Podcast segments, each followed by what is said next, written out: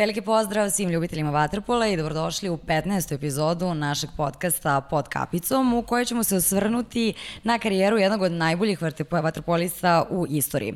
Pričat ćemo naravno o njegovom životnom putu, zbog čega je u najboljim sportskim godinama odlučio da prekine karijeru i ko šta je sve obeležilo istu, a ono što je zanimljivo kada je ovaj septembar u pitanju da nam dolaze stvarno veliki asovi i slušamo veoma zanimljive ispovesti. Da, baš tako i ja verujem da je publika uživa, pogotovo mislim da najviše uživaju junaci naših priča koji ovde dele neke svoje sudbine, da su popuno opušteni i negde verujem da je da im je lakše kad završe karijere da se e, onako i prisete i neki detalja koji možda ne bi podelili sa javnošću u nekom drugom izdanju, tako da e, ja zaista uživam i rekao sam, ovo je jedan najlepši odak, projekat koji inače radimo u novinarstvu i zaista uživam, svaki gost mi je onako interesantan, a verujem da će biti i čovek koji je pred nama, neko ko je zaista legend ovog sporta i za koga mnogi kažu da je e, mi nismo kompetentni ti ja toliko, ali možda da prenesemo iskustva ljudi koji su igrali vaterpolo da je jedan od najboljih svih vremena. Tako da, eto, ostavljam ti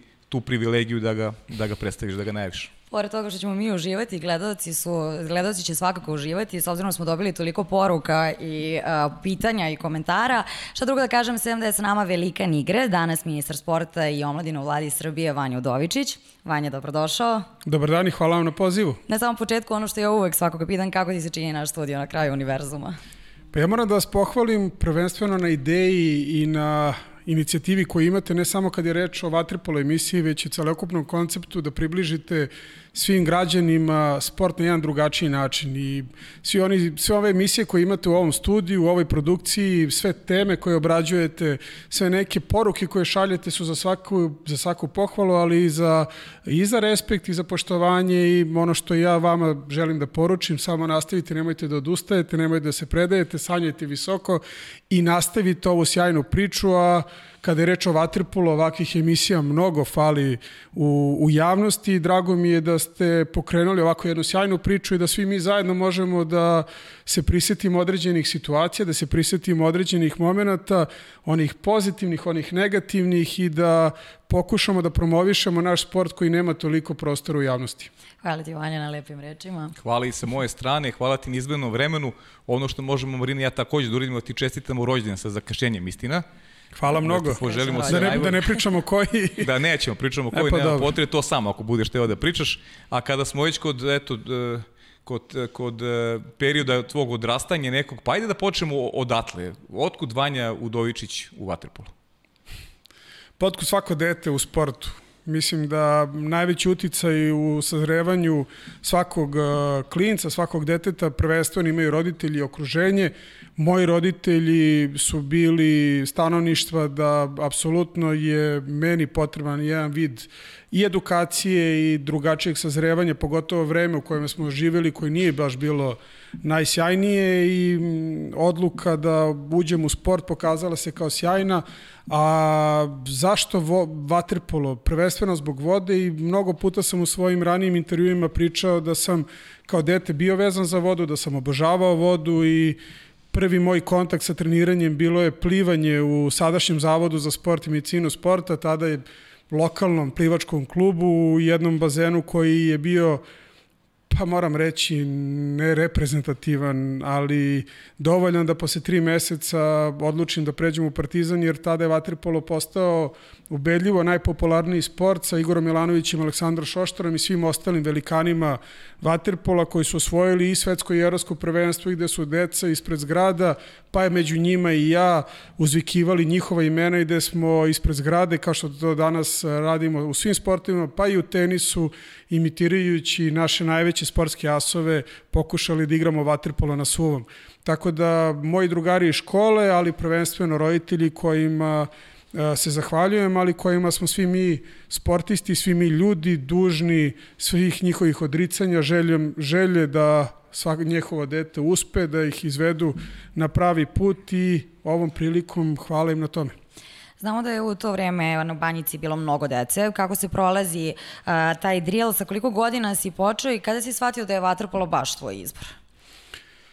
Prvi moj dolazak na banjicu Da, treći razred osnovne škole.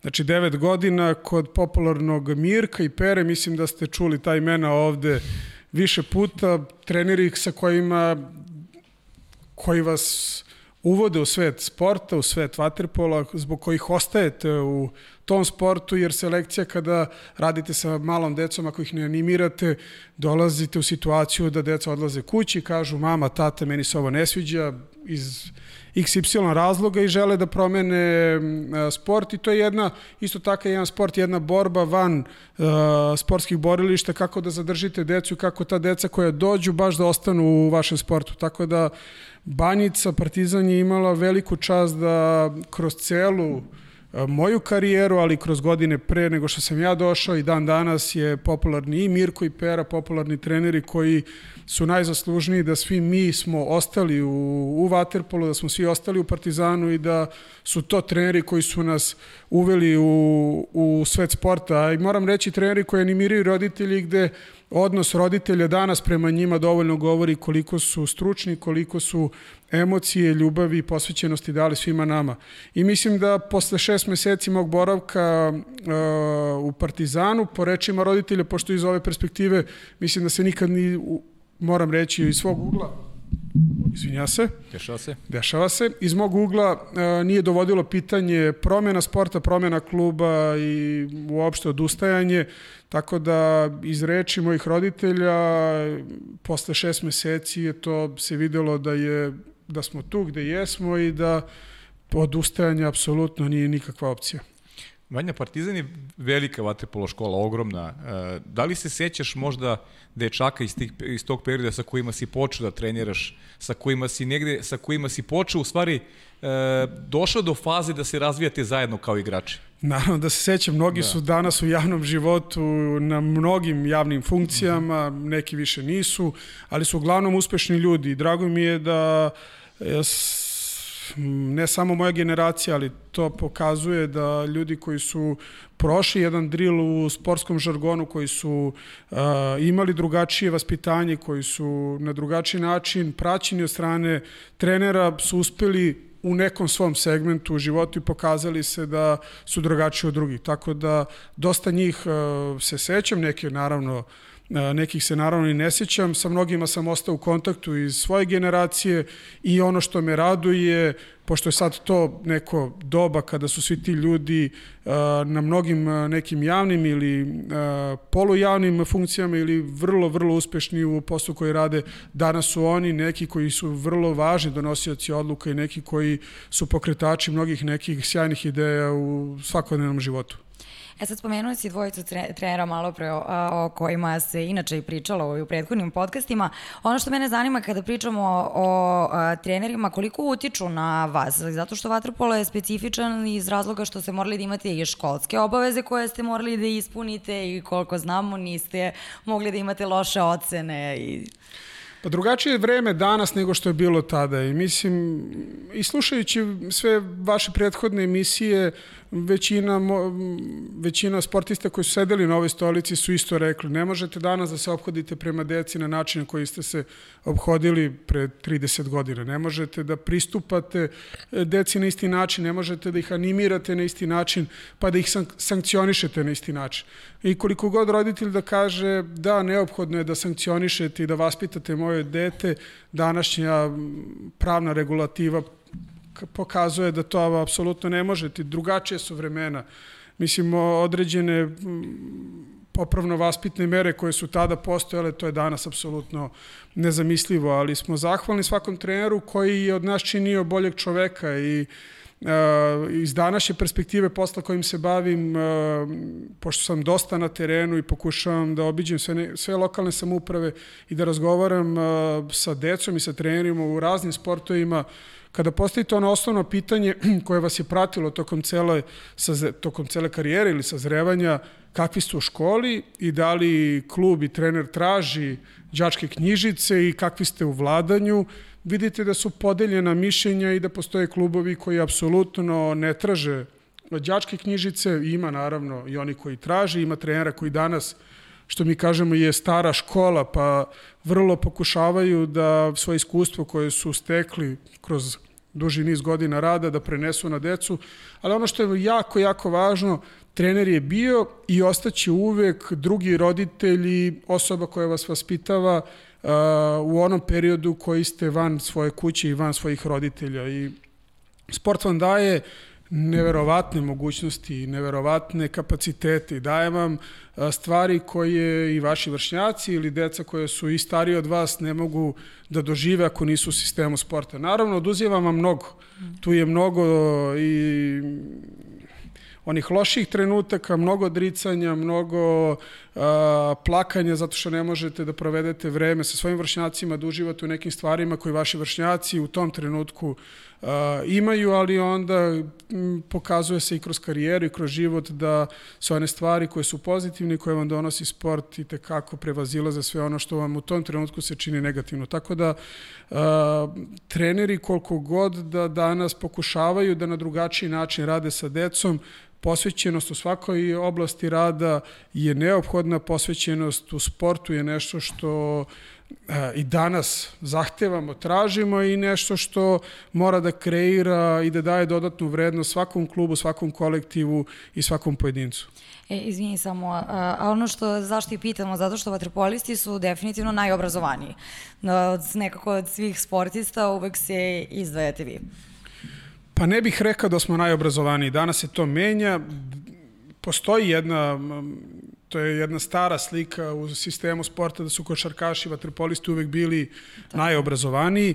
I jeste istina da u ono vreme, kad pričam ono vreme, vreme pre nego što sam i ja počeo da se bavim vaterpolom, naši idoli su svi bili fakultetski obrazovani i to vrlo jaki i teški fakulteti gde vam je za ponos bio svako od njih koji je uspeo sa svojim obavezama prema sportu da završi možda i najteže fakultete u našoj zemlji.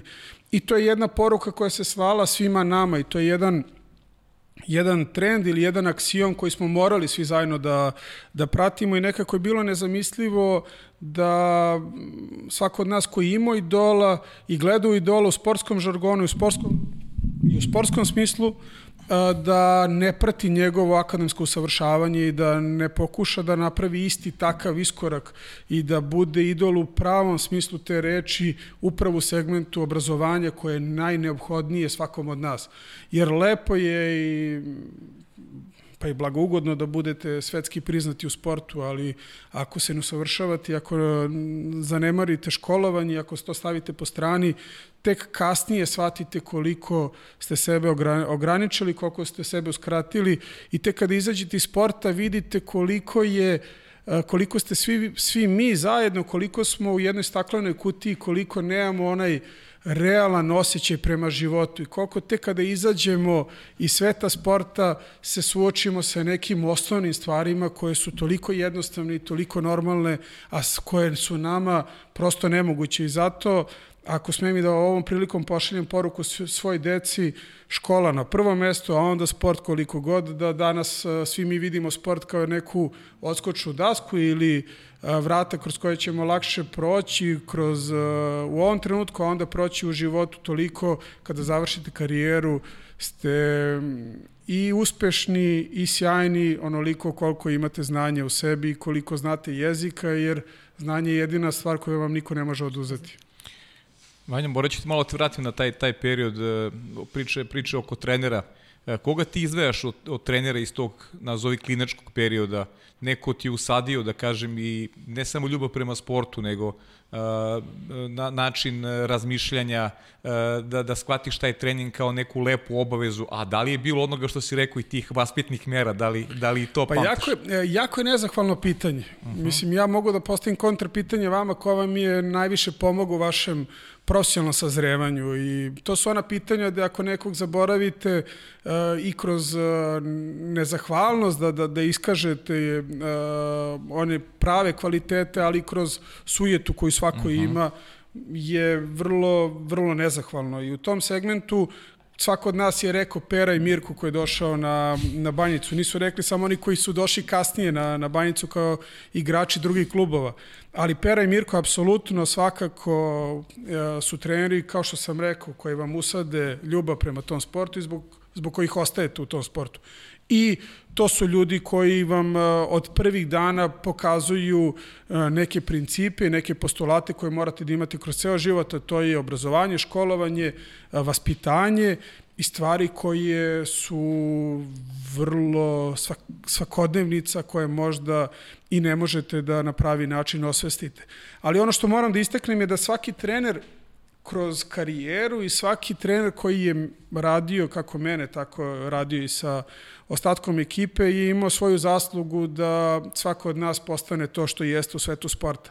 I nije koliko je bitan onaj koji ti je prvi trener, toliko je bitan i onaj koji ti je poslednji trener u, u karijeri, jer od svakog trenera naučiš nešto novo, od svakog trenera dobiješ neke nove veštine, neko novo znanje, stičeš iskustvo koje ti je neophodno za ostvarivanje najsjajnijih i najboljih rezultata i svaki trener je tu da ti pomogne da postaneš još kvalitetniji i bolji, jer koliko si ti bolji, toliko i svaki trener zajedno sa tobom i koliko ti učiš od trenera, svaki trener uči i od tebe i zajedno postajete i kvalitetniji i bolji.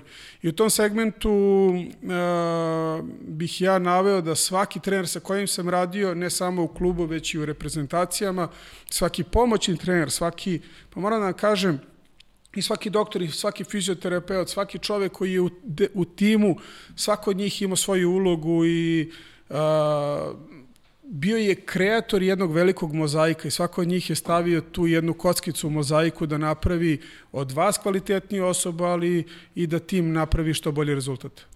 A izvinjavam se, što se tiče ovih... Za ovih će zaboraviti. A ne, ne, ne, sam sam odmah, da, da, ne, da ne bude da nisam odgovorio. Bilo je i tekako i bilo je možda i naj, najviše uh, vaspitnih mere bilo kada smo posustali u školi, -hmm. onako u onom nestašluku dečačkom koji svaki dečak ima, pogotovo u tom nekom periodu adolescencije, ali je a, to skroz neza, nezamislivo.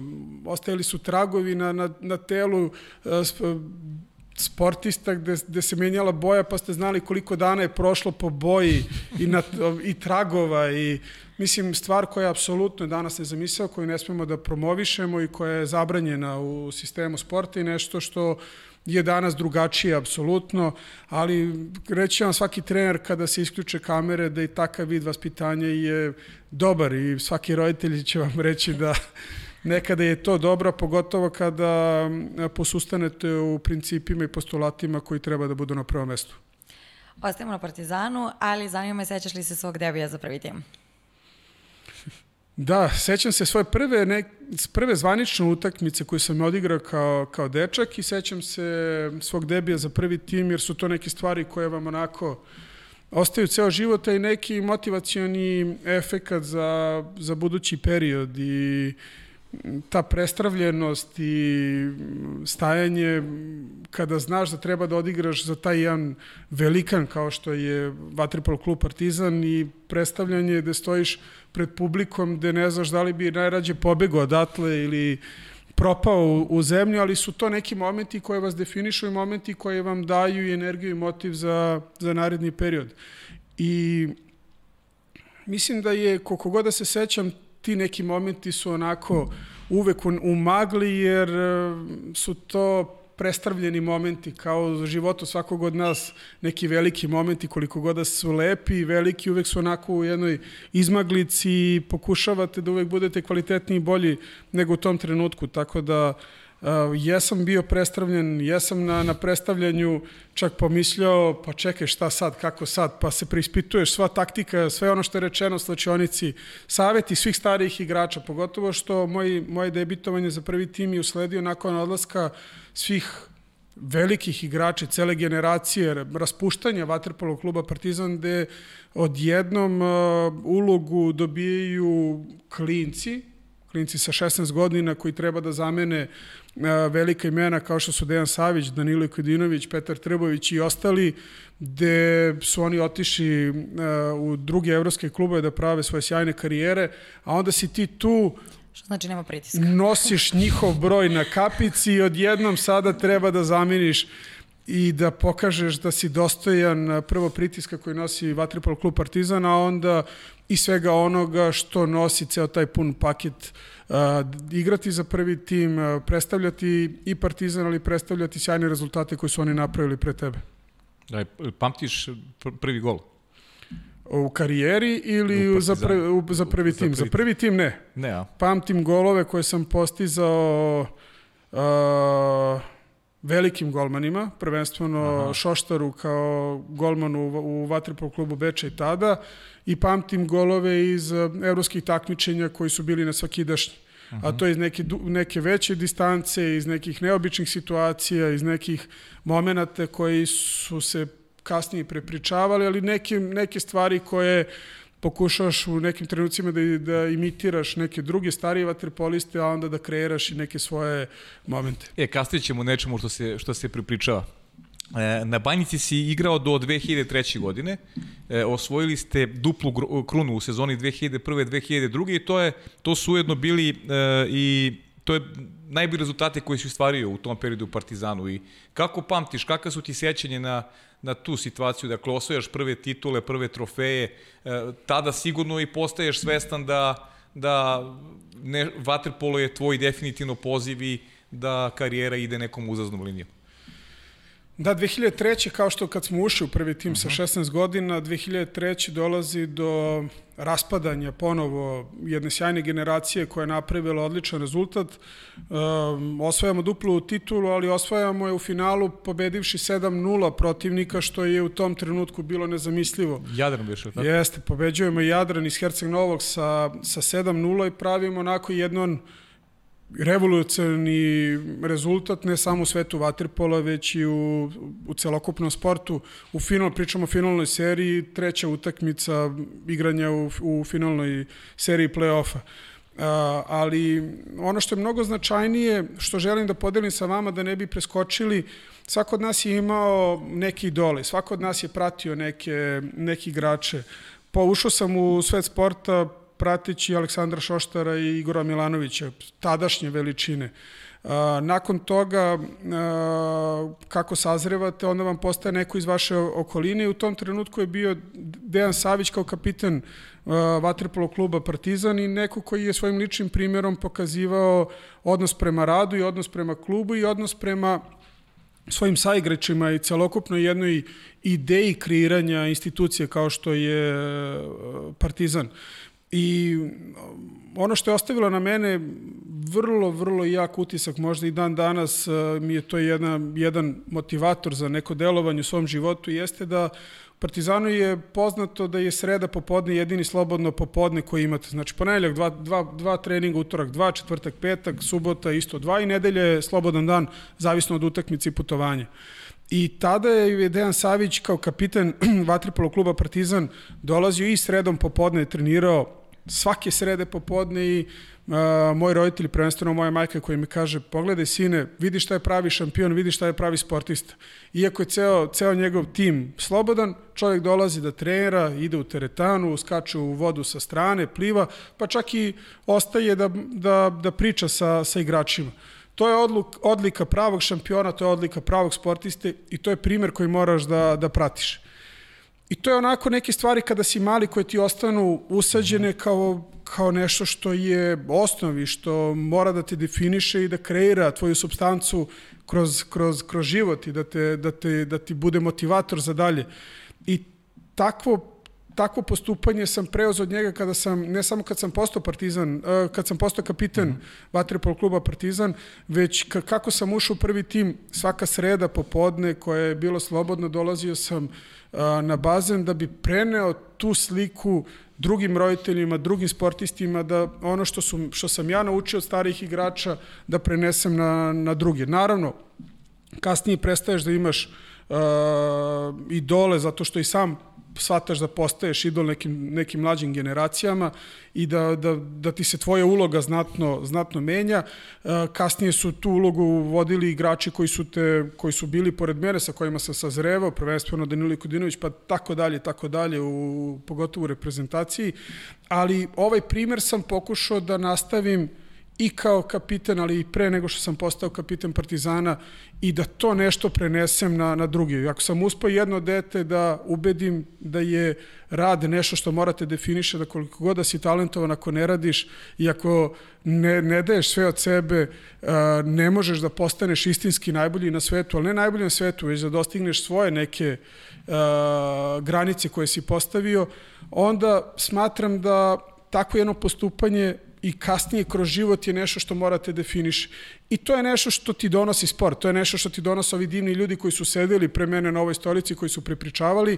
A zašto sam rekao, u toj sjajnoj godini postao sam kapiten, pa sam smenjen sa mesta kapitena i kapitenska traka je otišla Slavku Gaku, koji je tad igrao u Partizanu i, i taj moment mene, oduzimanje kapitenske trake mi je pomogao mnogo da sazrim preko noći, da postanem svestan e, i određenih grešaka koje sam pravio i možda pa ne iz ove perspektive moram, moram da kažem i e, nedovoljno, nedovoljne posvećenosti u tom nekom segmentu ili da nisam dorastao u tom trenutku jer to je, to je činjenica koja se dogodila, ali svi ti neki momenti vas definišu i od vas prave i kvalitetnijeg prvenstveno čoveka, a onda i kvalitetnijeg sportistu da dalje prenosiš te neke stvari. Tako da nije 2003. godina kada sam saznao da ću se baviti uh -huh. uh, vaterpolom kroz život, to je neka 2000-ta, jer 2002. debitujem i za reprezentaciju na velikom, na velikom takmičenju, a 2000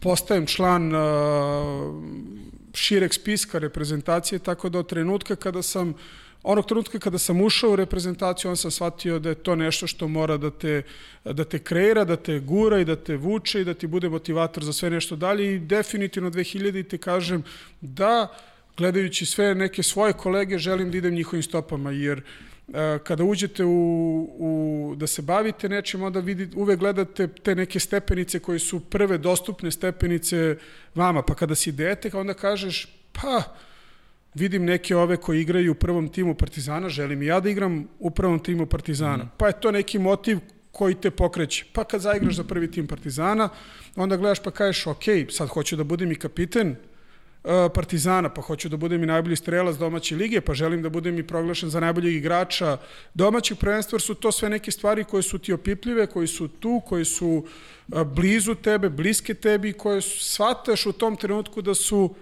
da su dostupne i to su motivacioni aspekti svakog sportiste koji, koji pokušava da dostigne neke uh, visoke rezultate. Onda kad dođeš i do toga, onda kažeš, ok, igramo Ligu šampiona, pa želim da osvojim Ligu šampiona, želim da budem najbolji igrač ili uh, najkorisniji igrač MVP, uh, završam turnira i cele Lige šampione, pa želim da zaigram za reprezentaciju, pa da postavim kapitan reprezentacije, pa da osvojim sve. Mislim, to su sve neke stvari kao stepenica... Procesi procesi, ali vrlo važne stepenice da vi imate dobre, kvalitetne i pozitivne primere pored vas na koje možete da se ugledate Jasne. konstantno.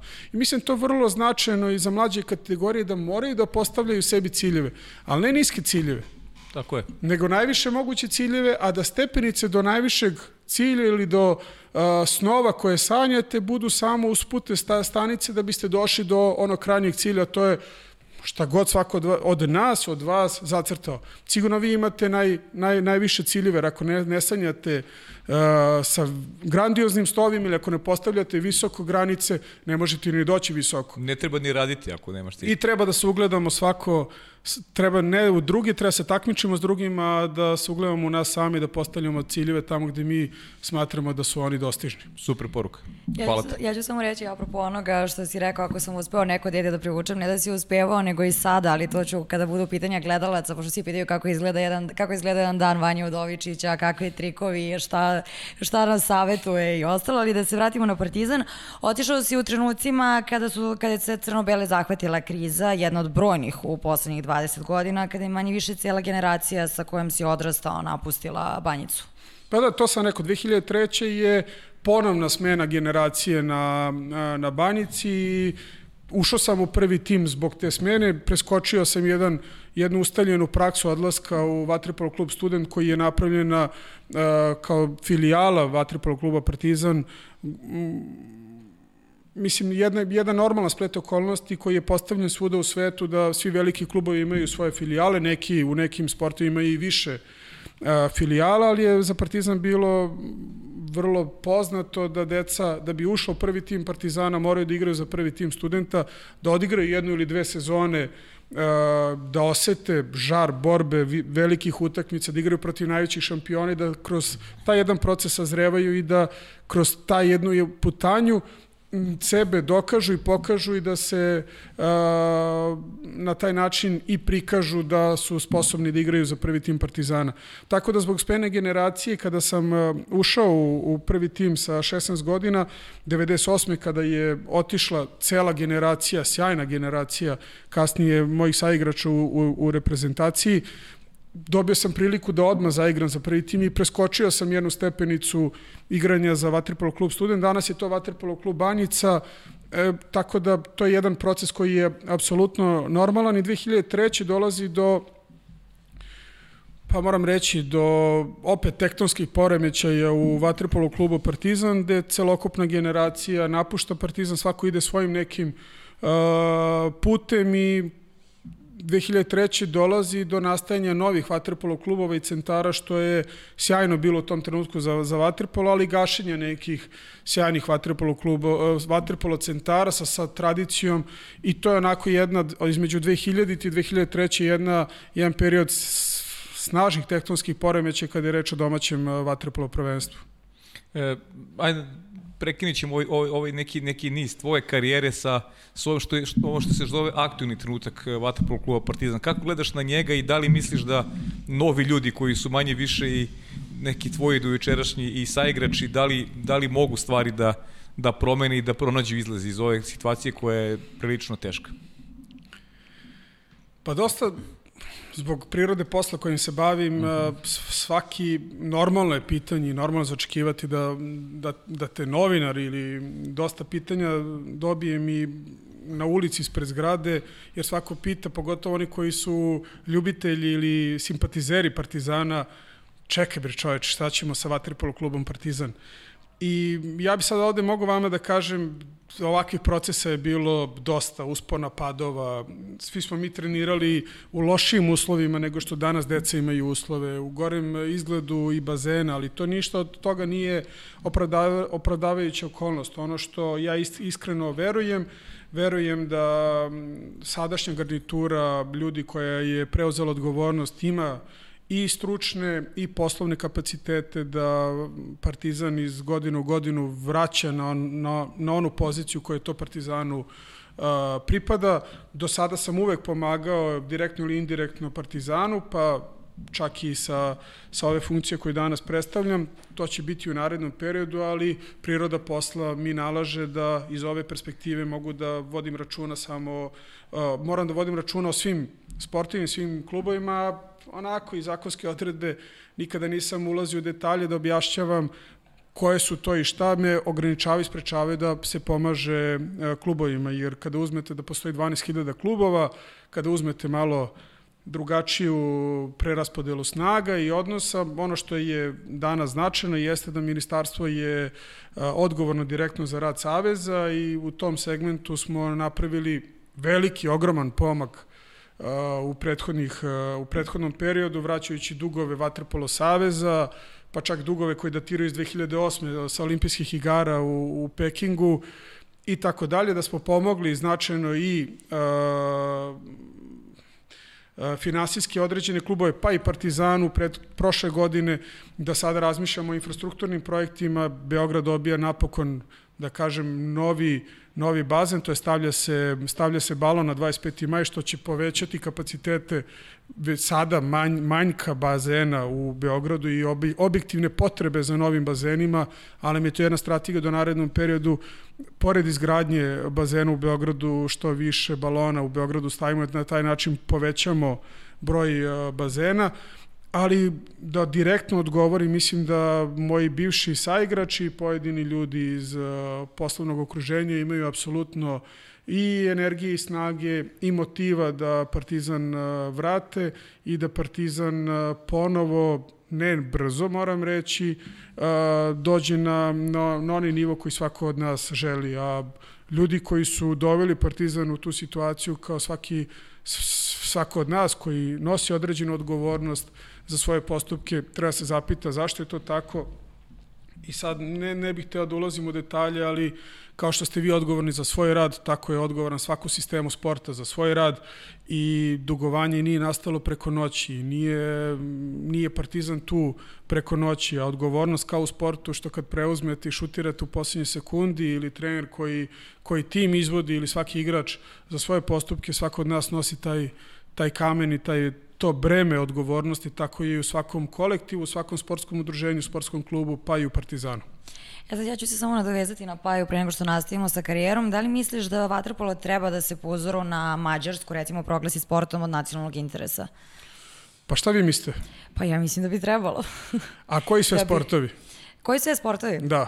Pa konkretno pričamo sad o vaterpolu. Pa dobro, zato što ne možemo da posmatramo, dosta smo na tu temu razgovarali i kada sam, do, kada sam učestvovao i bio odgovoran za donošenje zakona o sportu 2016. godine, a, sve neke modele i, i metode i finansiranja i pravljenja mogućnosti da sportu bude bolje smo prošli i svako malo otvaramo tu temu jer vrlo ne, ne smatram da, da sve znam i uvek volim da dobijem i savet od drugih i sve neke dokumente, sva neka dokumenta koje smo donosili ili koje sam učestvovao u donošenju istih je prošao baš širok proces uh, konsultacija i svaki zakon, a to sam vrlo, vrlo ponosan u Skupštini zakon o sprečavanju dopinga u sportu i zakon o sportu su dones- doneseni jednoglasno, što je opšti konsenzus, što nije baš bilo prilike, a pričamo o 2016. i 2014. godine, ne pričamo o nekim periodima u bliskoj prošlosti, već pričamo o, o vrlo o, o periodu kada je trebalo proći konsultativni proces od godinu dana i ubediti sve narodne poslanike da je to nešto što je u tom trenutku najbolje. Uh, Mađarska ima jedina kao, kao takva uh, izolovanih pet sportova, Mi imamo kategorizaciju sportova i u prvoj kategoriji se nalaze pa moram reći skoro svi sportovi koji nas predstavljaju na olimpijskim igrama i koje, na, od kojih očekujemo medalje na, na olimpijskim igrama i ja se iskreno nadam da će sledeće godine pa skoro svi sportovi iz prve kategorije biti glavni pretendenti ili u prvih deset uh, ekipa, to je nacionalnih selekcija na olimpijskim igrama. A zašto sam vam postavio to pitanje? Zato što kada krenemo u priču, ok, ajmo da napravimo super kategoriju, što sam imao predloge određenih uh, saveza, mi kažemo u redu, slažem se, ali ko su ti sportovi? Pa kažu, pa naravno, vaterpolo, ja kažem, dobro, košarkar, smo zemlja košarke, ja kažem, dobro, futbal, da li je u prvoj kategoriji, u toj super kategoriji? Ne, ne. Meni ne. Evo, pričam, ja pričam iskreno. Pa, Odbojka da. i kada bismo pitali pošto je isto tako ako pričamo o rezultatima, ali futbal danas ima najveći broj klubova i najveći broj dece trenira futbal. To je 30 posto, 20 tačno posto i klubova i, i dece u sistemu našeg sporta su iz futbala. I sad mi možemo kažemo po rezultatima ne zaslužuje, ali po brojnosti, po masovnošću, po zastupljenosti i u medijima i svim nekim aspektima, pa i finansijskim aspektima, vrlo možemo da diskutujemo. Vi kažete svoje mišljenje i tu smo spremni da, da razmenimo argumentaciju. A onda dolazimo i do manjih sportova, jer uh, da li rukomet treba po zastupljenosti, da po rezultatima, ne po tradiciji vrlo da i tako dalje, ali kad dođemo do, do pojedinačnih sportova, atletika kao uh, osnova Ba- da, sporta, bazični, da. da li treba ili ne treba, sa ulaskom u škole, to već ulazimo, posle pet kolektivnih ulazimo u šesti. Pa da li treba judo rvanje, da li treba gimnastika, da li trebaju kajak, veslanje kao sportovi koji nam donose medalje i tako dalje, da se nijedan, nijedan sportista iz nijednog sporta, streljaštvo koji je godinama unazad se znalo vaterpolo streljaštvo donose medalju sa olimpijskih igara i tako dalje i tako dalje. Če tu se otvara jedna, da li je tenis u, u tome sa našim teniserima koji su sada u ovoj snazi? Pa, misliš da tenisu treba ta vrsta pomoći? Pa ja mislim da vrlo treba, pogotovo svi oni su prošli proces sazrevanja i treniranja da biste postali to što su danas naši teniseri, to je dug proces i sazrevanje i treniranje i odricanja i svega onoga što prati. Skup je sport, objektivno. Jeste. I svaka pomoć je potrebna, bilo kome. pogotovo imate sada po prvi put mlade tenisere ne iz uh, glavnog grada, već iz, iz uh, Ali drugih da sredina. Ali da koncipiramo stvari drugačije, da li očekuješ olimpijske, olimpijske medalje uh, iz tenisa? Da. Novog Đokovića? Ne samo Novog Đokovića očekujem više medalja i ja kad god kažem da od svakog našeg sportista očekujem medalju koji ide na olimpijske igre, smo promenili svest kod sportista. Lično sam dok, dok u Londonu sam vidio određene sportiste su išli na olimpijske igre kao, kao turisti. Znali su da ne, da ne mogu ništa da rade uh mhm. -huh. sa fotoaparatom, slikali se, mislim što je, možemo reći, legitimno sa jedne strane. Ali s druge strane nije jer vam narušava jednu koheziju u olimpijskom selu, narušava atmosferu koju mora da, da ima ceo olimpijski tim i tako dalje, tako dalje. Taj to smo promenili, da svaki sportista veruje da može da napravi nešto uh, kada se takmiči i da se ne predaje pre takmičenja ili utakmice koje, ko, u koje učestvuje. Tako da uh, tema uh, vezano za praćenje mađarskog modela jeste jedna otvorena tema na koju smo ispremni da razgovaramo, koje vrlo razmišljamo, pogotovo način finansiranja kao uh, kreditiranje sporta na, na način, jer kada kažu nama su potrebne poreske olakšice. Mislim, sad mi možemo o ovome pričamo, to su bolne tačke sistema sporta, pa i vaterpola. Ali Mađarska kao poreski kredit koji, koji daje sportu vrlo kaže ne dajem ti ja pare za vrhunski sport. Jer ljudi kažu pa čekaj nek država pomogne klubu. To znači da država treba platiti platu svakog igrača koji nije mala plata, i da država direktno finansira igranje određenog pojedinca u bilo kom klubu ili u bilo kom kolektivu, što je nemoguće, to, je, to ne postoji nigde na svetu. I ne postoji izbačenje uh, poreska olakšica kao takva zbog svih negativnih iskustava koje su postojale zemlje, čak, su, čak smo mi vrlo povoljni, po, da kažem povoljni, mogu da, ne povoljni, već vrlo smo u odnosu na druge zemlje ispred njih kada je reč i o dažbinama koji klub mora da plaća na plati igrača, o, mislim, taj jedan ce, celokupnu pomoć koju smo mogli da napravimo kao država, mislim da smo dali, ali kada sad, da ne širim priču, mogli, mogli bi ome da pričamo, kada, bismo, kada bi ja vas pitao da mi predložite koji su to sportovi u Srbiji, koji bi bili izdvojeni, a Mađarska izdvojila pet sportova, pritom izdvojila hokej. Da. Mislim, nije... Hokej, da. Hokej, plivanje, rukomet. kajak, vaterpolo, rukomet. Tako je. I futbal, pošto ima posebno, posebno, ali znači, ako bismo pričali o, o, o tome, nije hokej toliko popularan ili zastupljen, ali su iz nekog njihovog interesa izdvoje. Nema te rezultate na međunarodnom planu. Nisu... Pa prepostavljam neka masovnost, nešto, ne znam, ne znam šta ih rukovodilo tom, tom idejom. Pa dobro, ali rukovodilo ih jer su hteli da, da uh, u tom trenutku strategija je bila da se izgradi što više ledenih dvorana širom, širom Mađarske, zbog toga je hokej izdvojen bio kao, kao glavni sport koji je glavni zimski sport, kolektivni sport koji vuče izgradnju takve takve infrastrukture.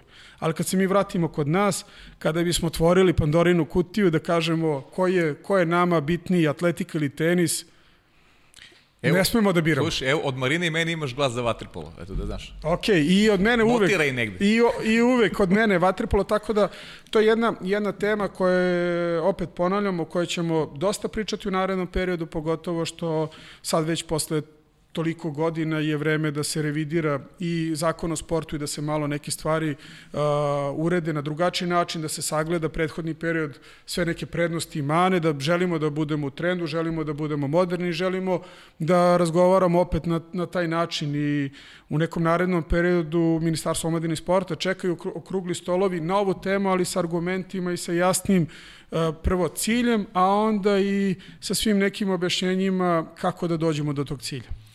Imaćemo prilike da pričamo o tome i kad nam budeš gostao sledeći put, meni je zanimljivije da pričamo mi o tvojoj karijeri. Dobro. Tako da, hoćemo da novi, krenemo. Hoćemo novi Jadran, Herceg Novi. Na ja? Jadran. Ajmo, Jadran 2003. godine, stigao si u Jadran, preselio si se na more. Da, treba sam prvo da, prvo sam se dogovorio sa, sa Vatripolo klubom Nišem i tadašnji selektor je bio trener uh, Niša. Iskomplikovalo se pri potpisivanju ugovora u Nišu, bio najavljena konferencija, došao na konferenciju sve, došao do određenih komplikacije i u roku tri dana sam završio u Herceg Novom. I jedna onako, jedna prvo odlazak iz Srbije, bez obzira što smo tad Srbija i Crna Gora, uh, odlazak u sredinu gde nije bilo toliko Beograđana koliko je kakav se tim pravio u Vatrepolo klubu Nišu i naredne dve godine glavni konkurenti nam je bio Vatrepolo klub Niš pored Primorca koji je Bokiljski derbi gde možda je veći, ne, veća netolerancija između Zvezde i Partizana. Ali onaj koji to nije proživao i koji nije bio dole, taj, taj to realno ne zna. Malo je Andrija o tome e, spomenuo, ali nije teo da ulazi u dubinu. E, ali jedna velika transformacija, odlazak iz Beograda, moram reći malo e, tad krećem polako i sa fakultetom da ga prolongiram sa, i sa ispitima i sa, sa svim nekim, sa, sa, sa kodnevnicom koju čovek ima u Beogradu, ali jedno iskustvo prvenstveno uh, u radu sa tadašnjim trenerom Petrom Porobićem koji je napravio određenu glazuru jer kada se izmestite od, iz jedne sredine, kad vidite, iako sam Partizanu i uradio i sa pokojnim Nenadom Manolovićem i sa uh, bivšim selektorom Dejanom Udovičićem, pa onda u tom trenutku uh, rad sa Porobićem koji 2005. postaje i svetski šampion uh, kad preuzima, kad preuzima reprezentaciju, ali vrlo značajan moj, uh, moj period života sazrevanja preko noći, sjajnih rezultata, sjajnih utakmica, Prve godine smo igrali finale Lige šampiona protiv uh, mađarskog Honveda, izgubili u Budimpešti na Marke Cigetu uh, neka ta 2004. koja mi je rak rana za, za, za pa za celu vaterpolu karijeru. Izgubio sam od, od Mađara finale Lige šampiona, izgubio sam od Mađara finale olimpijskih igara, FINA kup, mislim, to je svetsku ligu. Uh, ti godinu dana ma, mađarska reprezentacija je nama postala onako sinonim e, kako se boriti pre, protiv sebe samoga i kako pobediti sebe samog i sve neke e, strahove koji svako od nas e, nosi i neku nesigurnost koja nam je te godine, bare meni, onako ušla od strane vrhunske ekipe kao što je bila Vatrepolo ekipa Mađarske u tom, u tom trenutku. Ali za te dve godine uh, sjajna, sjajno, prvenstveno profesionalni rad, život, stekao sam doživotne prijatelje u Herceg Novom, naučio mnoge neke stvari. Oprostite, reću vam, pokojni otac Slobodana Nikića, cimera, mog dugogodišnjeg, kad sam odlazio dole, pošto, je, pošto su iz Herceg Novog mu roditelji, rekao mi je, dragi Vanja, Da li ti znaš da su novljani rođeni tri dana pre lisice? Pazi se, dete moje, gde ideš i šta radiš. I to je onako, to su neke, neki saveti, neke stvari koje vas i definišu kroz život, koje vas mhm. prate celog života i hvala mu na tome. Mislim, koliko god da mi odzvanjalo e, ta njegova rečenica i e, stvarno novljeni su onako dosta posebni, autentični i mnogo, mnogo sam naučio iz uh, svakodnevnog života u Herceg Novom i mnogo mi je Herceg Novi pomogao za, dalji, za dalju moju karijeru, kako profesionalno, tako i privatan život. Stao si kod 2004. a sudbina je htela 2005. da u finalu kupa igrate dvomeč sa Partizanom, gde si postigao tri gola u revanšu i bio najzaslužniji za triumf. Da. Uh, pa svaka utakmica protiv Partizana je onako za mene, a i kad razgovaram sa svojim kolegama, kad igraš protiv bivšeg kluba, bolna tačka.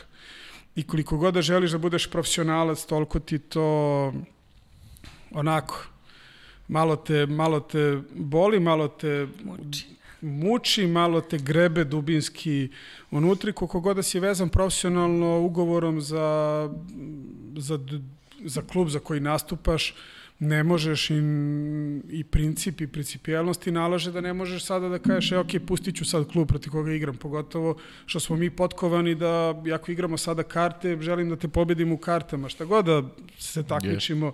želim da, da pobedim i to je neka iskra u svakom od, od vrhunskih sportista i ljudi koja, koja je unutra i koja ga pokreće.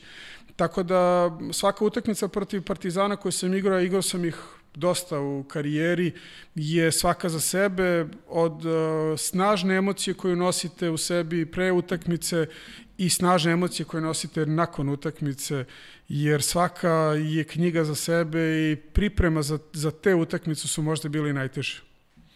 Možeš ti dalje, ovo smo Da, apsolvirali, ovaj novi smo A, apsolvirali. Da. Nekako je logično, dobro. nekako je logično da se najbolji, da se najbolji vaterpolisti zapravo svijeta u to vreme sele u Italiju. Tako da tvoja prva stanica je bila Napolj. Strašan grad. Mislim, U preporuka... bukvalnom smislu ili... Uh, strašne priče, ali u bukvalnom smislu čujete o tom gradu, ali kada odete u taj grad, grad koji ima dušu i preporuka za svakoga ko nije uh, video Napolj, strašna preporuka da onako, ne strašna, nego pre, moja lična preporuka da ode i da vidi fenomenalan grad. Grad na moru, grad sa, sa snažnom uh, istorijom, grad... Uh, Sa vrhunskim vinima. Hranom. pa ne, ne, ne, ne, ne. Uh, ne. Država sa vrhunskim vinima, grad... Država, dobro, naravno. Grad ne, grad koji je prepoznatljiv po drugim stvarima, pasta mozzarella, pizza, croissani, više hedonizam u tom segmentu, ali grad koji ima tradiciju koja je unakrštena i ukrštena i sa svim kulturama, jer onakako je Napolj kao glavna luka ili među glavnim lukama u Italiji uvek bio ukrštanje svega od Bliskog istoka Afrike do Italije i svih nekih carstava i onako to se vidi po arhitekturi, ali jedan ritam života totalno drugačiji. Kad vidite čoveka na motoru sa celom porodicom, ali bukvalno celom porodicom, muž, žena, dvoje dece, svi zajedno na jednom skuteru koji prolaze pored vas, preko noći sam naučio da vozim ali bukvalno koliko mislite da znate da vozite kad dođete u Napolj shvatite da ništa niste znali o vožnji, da sve ove naše autoškole vas nauče i spreme, ali je to nedovoljno.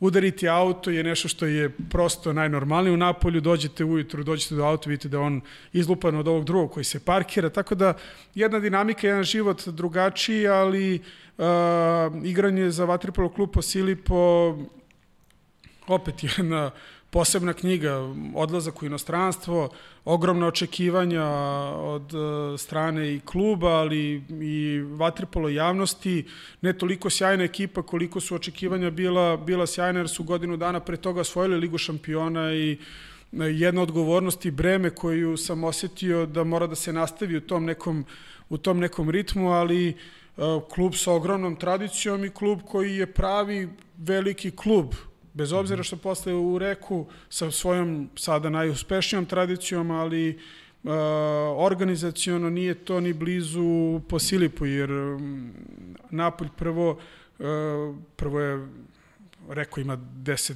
10.000 stanovnika, Napolj Možda i manje. Napolj kao milionski, milionski grad, grad koji uh, je poznat i po Uh, Nama po krimi filmovima i serijama. I po krimi filmovima. Mislim, tražio sam adekvatnu reč da, da, da kažem.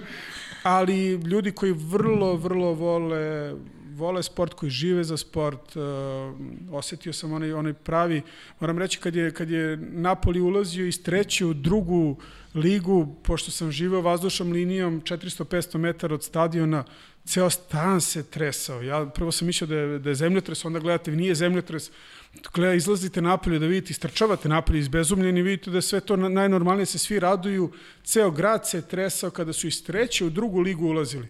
Mislim, totalno neka tipičnost za, za, za sve nešto što viđeš u životu, ali stvarno, ljudi koji žive sport i gde sam video odnos čak i navijača prema sportistima, gde u jednom e, restoranu prilazi čovek koji se kasnije ispostavio da li je vođa navijača, navijač i svašta govori golmanu prve ekipe Napolija kako ga nije sramota da on u 9 sati uopšte sedi u kafiću, a izgubili su dve utakmice pre toga.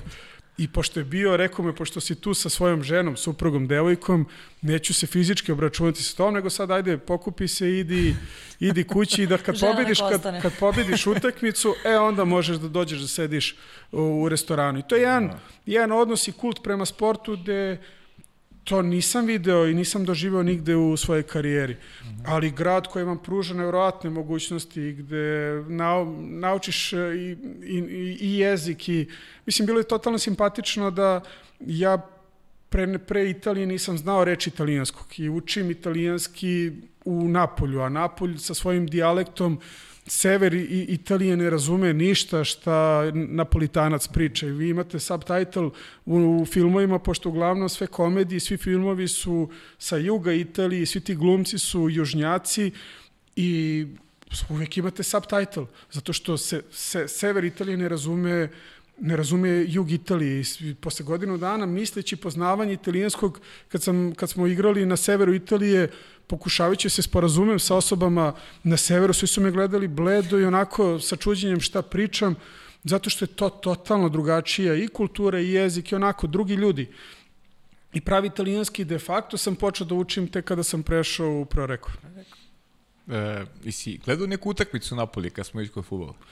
Ja sam odigrao, odgledao sam dve utakmice to kad su mi dolazili uh, prijatelji. Uh, imali, smo, imali smo i lože, imali smo uh, posebna mesta, pošto je jedna vlasnička struktura je vlasnička struktura i u Posilipu i u Napoliju, ali tada je Napoli igrao treću pa drugu ligu. Mm -hmm. I nije vam toliko interesantno da, da, da idete da, da gledate treću, drugu ligu italijanske. Mislim, ne privlači vas. Više smo iz Napolja putovali da gledamo Juventus, uh, Milan, mm -hmm. Fiorentinu, nego što smo, nego što smo gledali Napoli. A i si, i si pamtiš to finale Superkupa Evrope što ste osvojili? To je, to je trofej recimo sa, sa, sa Posilipom koji si, koji si uzeo. Pa, o, Pa, da. I, i igrače neke sa kojima si ostao u kontaktu sa nekim saigračima iz tog perioda, i, iz, iz Posilipa, iz, sa ljudima iz grada recimo? Iz, iz Posilipa, iz grada jesam, mhm. -huh. jer vrlo su posvećeni, vrlo su uh, porodično nastrojeni. Mhm. -huh. I vi imate u tim velikim klubovima, vi imate ljude koji vas očekuju, koji su vam i mama i tata u, u nekom gradu, jer znaju da dolaze mladi igrači bez nekog velikog iskustva, bez znanja mhm. -huh. jezika. I Zato sam rekao, to je veliki klub u tom organizacijnom smislu, jer su nam, svakom od nas je data jedna ili dve osobe koje možete da okrenete u bilo koje doba dana i noći, ko možete da se obratite za savet, za pomoć. Znači, onako jedna drugačija struktura ljudi da vam se ceo klub, ako se vi obhodite normalno prema tom klubu, ceo klub vam se prema vama obhodi na jedan mm -hmm. uh, sjajan način.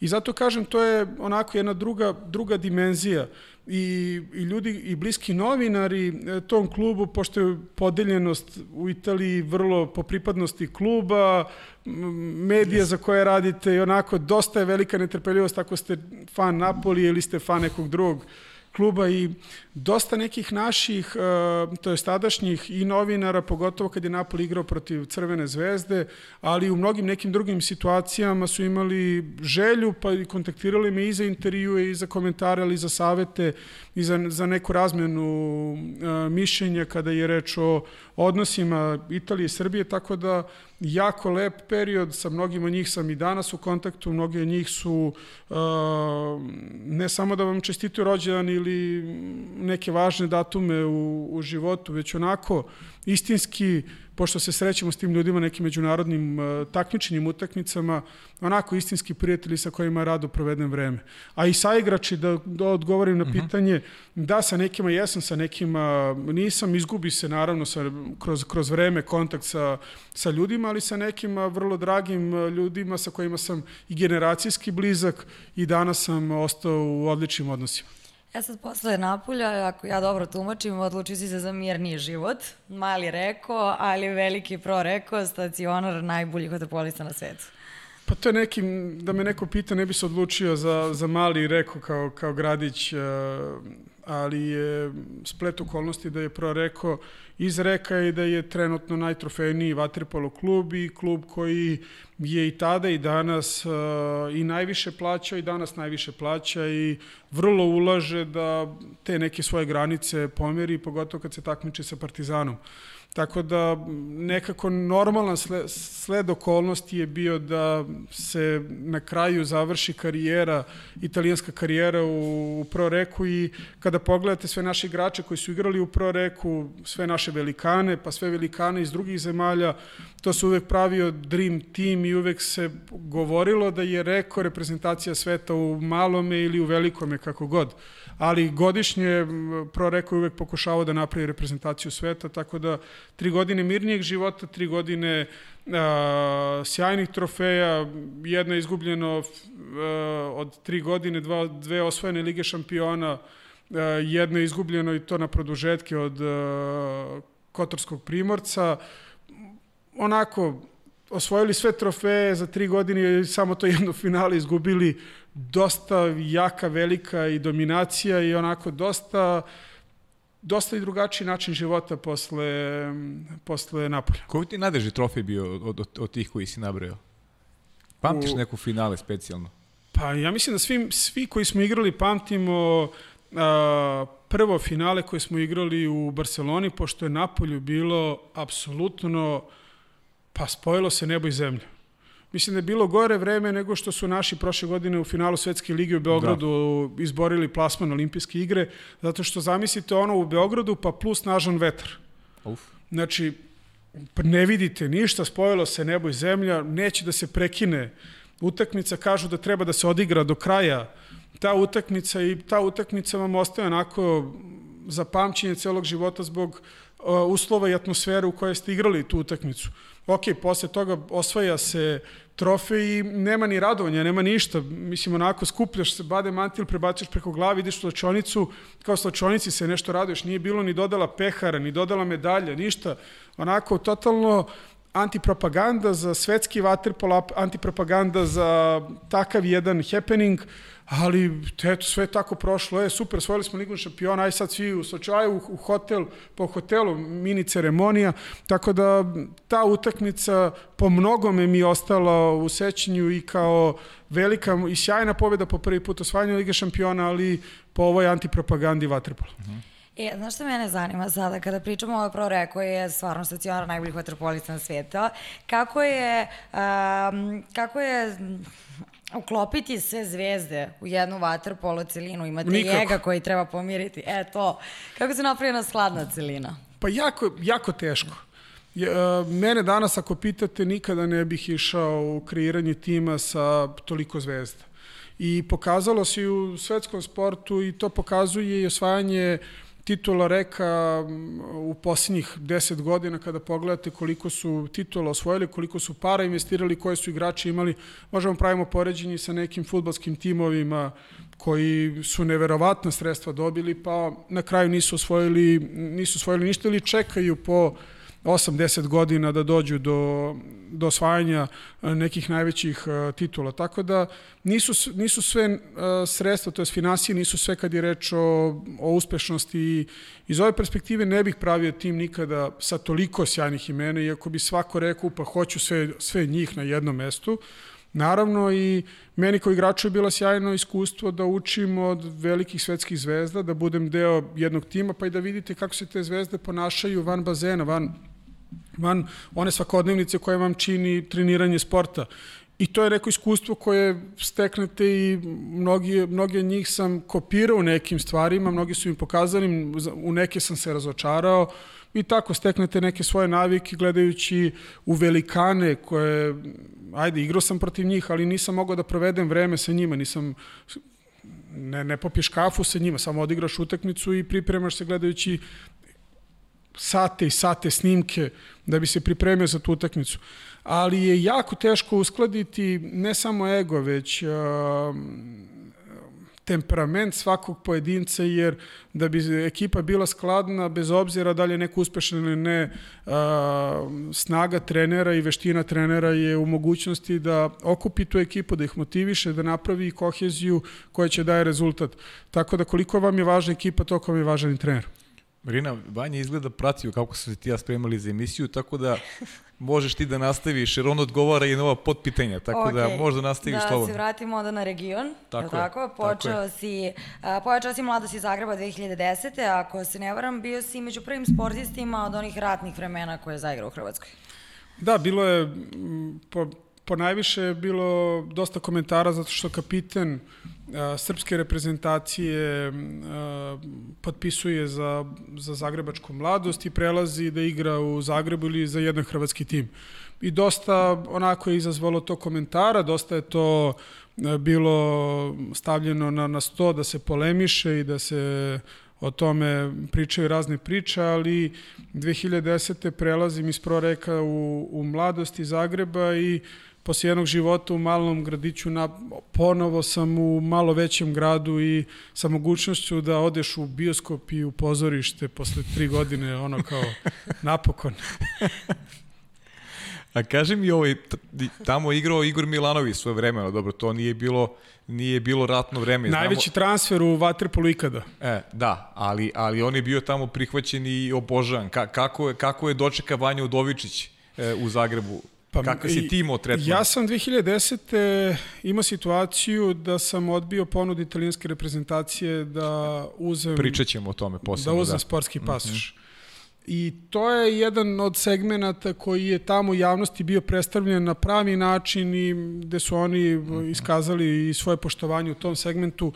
Ali ja prelazim u Zagrebačku mladost nakon odigranog evropskog prvenstva u, u Zagrebu 2010. godine gde e, i po titulama koje sam ponao na tom, na tom takmičenju u taj klub dolazi pa jedan od ili u tom trenutku najbolji igrač sveta i jedan respekt prema tome je za svako poštovanje.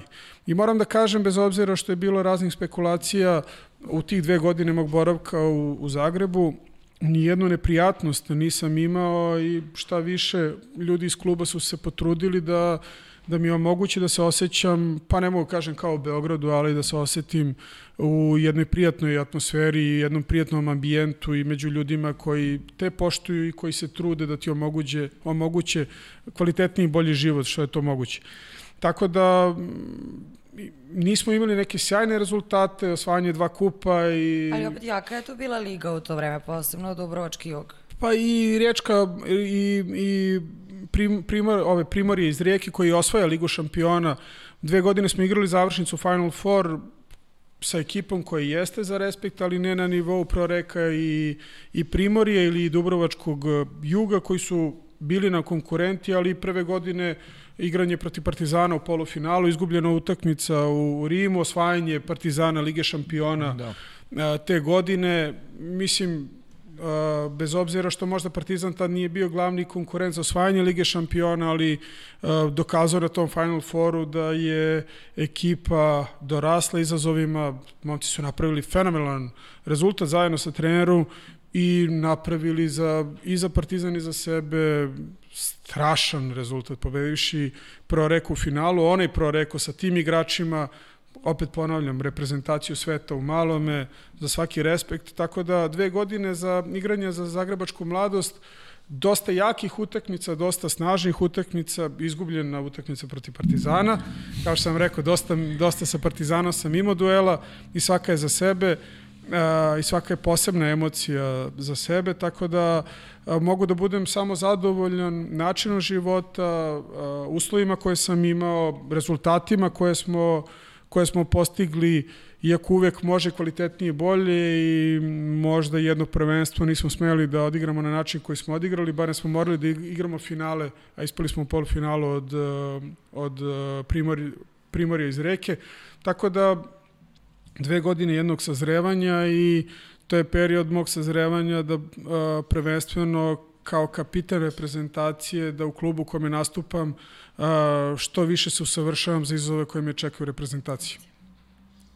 Možeš, Marina, da pređemo na...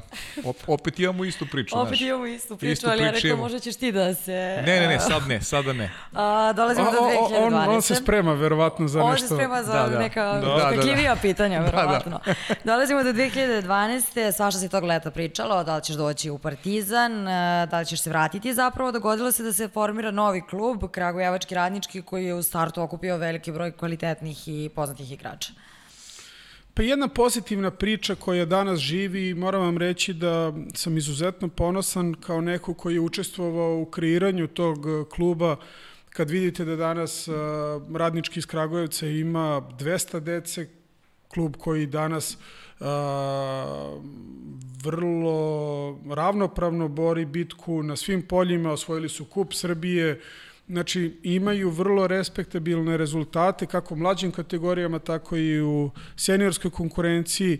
I mislim da je to jedna satisfakcija moja lična, zato što sam bio tu kada je nastajao taj klub od, od starta i tak, taj svaki uspeh koji oni naprave, onako malo ga doživljavam ga i kao svoj, ali ga doživljavam uh, iz jedne druge perspektive, ne mogu kažem kao i Partizana, ali vrlo blizu Partizana.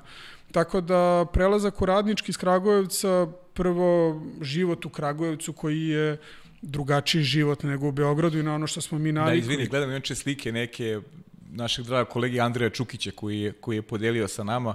Da, strašno. I različitih perioda. Dobra, da. dobra ekipa, dobra, i dobra, i moram vam reći, strašan finale prvenstva, Uf, da. radnički crvena zvezda. Ono što je trebalo Waterpolu, Taš Majdan, gde ne samo žargonu, već u praksi se tražila i karta više za petu utakmicu, kao stara finale Crvena zvezda Budva ili Crvena zvezda Partizan, u onom... 90-ih onda. U vremenu 90-ih ponovo je u Beogradu se u tom trenutku onako živeo vaterpolo, pogotovo što Crvena zvezda osvojila Ligu šampiona i imala tu jednu te godine vrlo snažnu ekipu i praćena od strane i navijača i javnosti vrlo na jedan specifičan način, što je neophodno svakom sportu pa i vaterpolu. Ali život Kragujevac koji je totalno drugačiji od svih gradova u kome svaki grad je drugačiji, ali te kada živite u, u Srbiji, u nekom drugom gradu, shvatite uh, pa shvatite kakvi smo i mi i da nije Srbija Beograd i da svako van Beograda sa, sa razlogom se nekada ljuti da je sve Beograd i da se posmatra yes. da je Srbija Beograd. A, u, a stvari nije.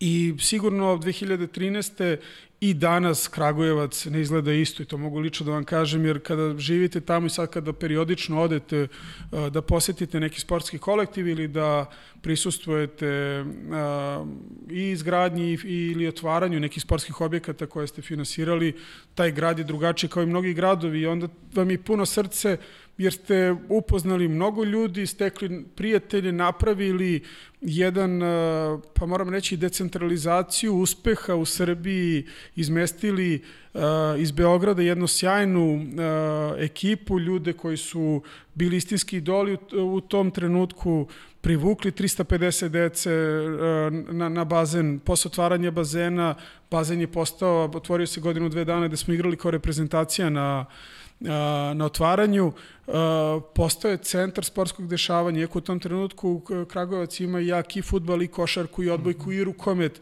pokušava da postane i da parira Beogradu kao sportski centar, posle Beograda najveći i Novog Sada, da ne pogrešim. I onako, ljudi koji shvatite, na, na primjer, da ako se naplaćuje karta, vama su prazne tribine, ako se ne naplaćuje karta, to je lom, to je krš, toliko je ljudi, mislim, shvatite da su, da je drugačiji život od onoga što ste i naučite da, da živite, naučite i šta je Srbija i šta su, šta smo mi, onako, srodite se sa, sa mnogim nekim stvarima, tako da jedno iskustvo koje je fenomenalno i u poslovno-organizacijonom smislu i u profesionalno vaterpolo smislu i u životnom, jedan život koji smo mi sada protrčali kroz neke klubove, a ovakve primere kao što sam u startu krenuo da vam pričam, mogu da vam ispričam neke dogodovštine iz svih, iz svih tih klubova, iz svih tih gradova, iz svih tih situacija i svaki od svojih je kreirao svakog od nas u pojedinca da postanemo kvalitetniji i bolji ljudi. Da, i pričat će tom finalu sa, sa Crevenom zvezdom koji zaista možemo sad da ga nazovemo i epskim, jer je pune tribine, interesantnih detalja, utakmica svaka na nož. Ali imali ste još jedan veliki rezultat, to je osvojen trofej Len, što je e, prvi međunarodni trofej za Kragovac. I ono što si rekao, što je, što je najvažnija priča Kragujevca, tvog dolaska, Fićinog dolaska, cele te ekipe, što danas Kragujevac ima e, u svojoj školi, ima Kragujevčane koji igraju vaterpolo, koji vole vaterpolo. Vi ste inicirali jednu veliku nego, priču, da. Nego koji su e, i na širem i na užem e, spisku reprezentacije, je. što je ogromna stvar, što niko nije verovao. Jer naša i promocija vaterpola i sporta u Kragujevcu je bila da će Kragujevčani da nastupaju za reprezentaciju. Vi znate, taj pesimizam u tom trenutku je bio vrlo snažan i ljudi u Kragovicu su prvo im je bilo drago da im takvi šampioni, ne samo Filip i ja, već i, i Aleksandar Ćirić, ok, Naravno. i Slavko Gak, ali hrvatski reprezentativci, i Zloković, i, Burić. i, Bur, i svi neki koji su činili okosnicu svojih reprezentacija, budu tu, da ih narod, da može da ih vidi u kafiću, u restoranu, kako šetaju sa svojim porodicama, kako žive normalan život, da su sastavni deo svakodnevnice, što je za Srbiju bilo pa ne svakidašnje. I danas kada kažete sada ajmo da pravimo takav neki klub, prvenstveno zbog toga, zbog popularizacije, zbog davanja mogućnosti da narod gleda najbolje sportiste u svom gradu i da gleda najbolje utakmice uh, u svom gradu, na svojim sportskim objektima, je nešto što će naići na pesimizam. Ali osvajanje uh, Len trofeja, to je drugog najčeg uh, klubskog takmičenja u Waterpolu, bio osnovni cilj i mi smo i dovedeni u, u Kragujevac i radnički je nastao da bi u tom planu i programu prve godine se odmah osvojilo to veliko e, drugo, da kažem, po, drugo po, po važnosti takmičenje i da u planu je bilo da će sledeće godine da se nastupi Ligi šampiona, da ćemo igrati Final Four, pa treća godina borba za tip, titulu i četvrta godina u, pl u planu i programu je bilo osvajanje Ligi šampiona. I to je bio jedan, jedan četvorogodišnji ili dug, dugoročni plan koji je bio zacrtan pred nas same. I žao mi je što se dogodilo sve to sa radničkim što se dogodilo jer uh, prve godine osvajanje uh, evropskog klubskog takmičenja, druge godine igranje finala Lige šampiona, izgubljena utakmica od domaćina, Barcelona, što od Barcelonete, što je onako, sad kad izgubite od domaćina ne može, ali po mom nekom ličnom, e, ličnoj proceni slabijeg tima u tom trenutku, ali kompaktnijeg za odigravanje te utakmice e, i mnogi su postali i treneri i, i igrači kroz radnički, ali ono što se sa vama apsolutno slažem, Kragujevčani su danas e, postali vatripolisti, što je bilo nezamislivo pre 10 godina i Kragujevčani i deca iz Kragujevca su sastavni deo reprezentacije Srbije u vatripolu u svim kategorijama. Vratit ćemo te tek na Kragujevac nešto kasnije, ali ajde da pre toga pređemo kroz tvoju bogatu reprezentativnu karijeru, pa ću ti pitati kao i za debi u Partizanu, da li se sećaš svog debija, igrao si od 2002. do 2013. A, debi 2000. na uskršnjem turniru u Nici. Popularni mm -hmm. neki turnir i odlazak Nica, Monte Carlo, klinac od da. 18 godina 2000. posle svih onih perioda i svega kao ali vrlo interesantno, vrlo interesantno iskustvo i mm, to je ono što vam sport daje, što, što sam rekao na početku, mnogi stvari vam daje, mnogi vam uzima, ali to su neke iskustva koje su nemerljiva. I debitovanje koje isto tako igraš sa najvećim svetskim imenima, igraš u reprezentaciji sa ljudima koji su ti do juče bili idoli, gde moraš da opravdaš uh, i svoje bitisanje tu i uh, odabir selektora da si baš to, to ti taj i da se nalaziš u ekipi koja pa složit ćemo se uh, vaterpolo reprezentacije je više od kulta i više od svega, zato što reprezentacija koja sa toliko trofeja i sa toliko uh, pobeđenih uh, dramatičnih utakmica i vraćanja iz mrtvih je mnogo više od sporta je poruka svima da ne, ne smeš nikada da odustaneš, da je kraj te kada ga sudija odsvira, da uvek postoji način i mogućnost da prevaziđeš svoje lične probleme, da kompaktnost ekipe je nešto što te pokreće, nešto što te vadi kad ti ne ide, jer ako jednom ne ide, ide drugome. Znači, mnogo nekih poruka možemo da pošaljemo kao sinonim na vaterpolo reprezentaciju i mislim da je to najveća snaga e, godinama unazad i da je to uticaj na na društvo upravo sve ono što smo mi radili, što su generacije pre nas radile, što će da rade mnogi generacije, nešto što moraju svi da nastave, a to je da šalju te pozitivne poruke našem narodu i našem društvu i da pokažemo da one istinske prave vrednosti su uvek iznad svega onoga negativnog i da ne nije opcija, a i ono kada ti je teško, ja uvek kažem, čoveče, svaki dan da bi napravio nešto veliko mora da krene tvojom odlukom.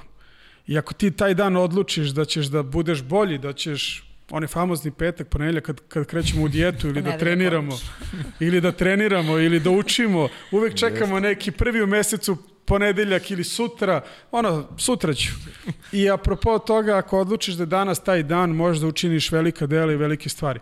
I zato uh, debitovanje kao klinac koji je otišao prvo velika stvar otputovati u, u Nicu, videti Monte Carlo, Azurnu obalu, sam taj doživljaj biti tamo, pa biti uh, u društvu nekih vaterpolista koji su ti doli, pa onda predstavljati uh, našu zemlju, pošto sam, kao i ovi drugi što su rekli, igrali su za tri države, od SR Jugoslavije, SCG i Srbije.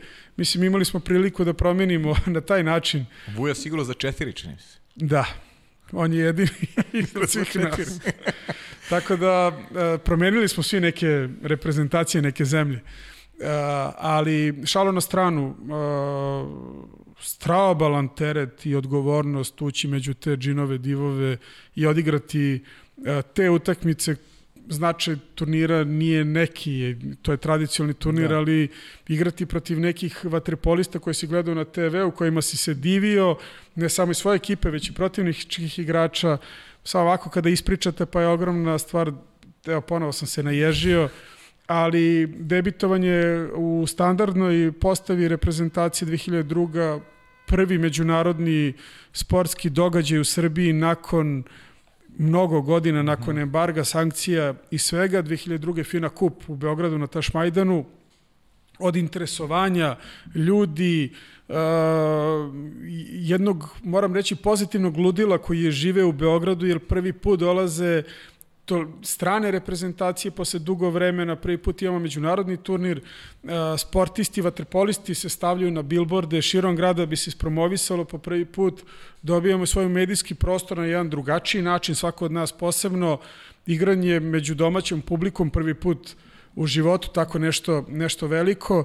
I osvajanje bronzane medalje, onako jedan doživljaj uh, od onog kao klinac nosiš kapice, budiš ključeve i sve neke stvari što sam bio najmlađi tada i što sam radio do sazrevanja i postajanja ne, u nešto drugo. E, ali Vanja, ali idemo sad na 2003. godinu. Ti si sad pričao o vatrnom krštenju u Beogradu, ali ovo je baš bilo vatrno krštenje kada pričamo o zlatnoj medalji u Kranju, jedan futbolski ambijent, pa ja ne mogu ovde da zovem futbolskim ambijentom, ono je bilo potpuno ludilo. Kako si ga ti kao, kao, kao mlad čovjek doživeo tada, nevezano samo za, za osvajanje zlatne medalje?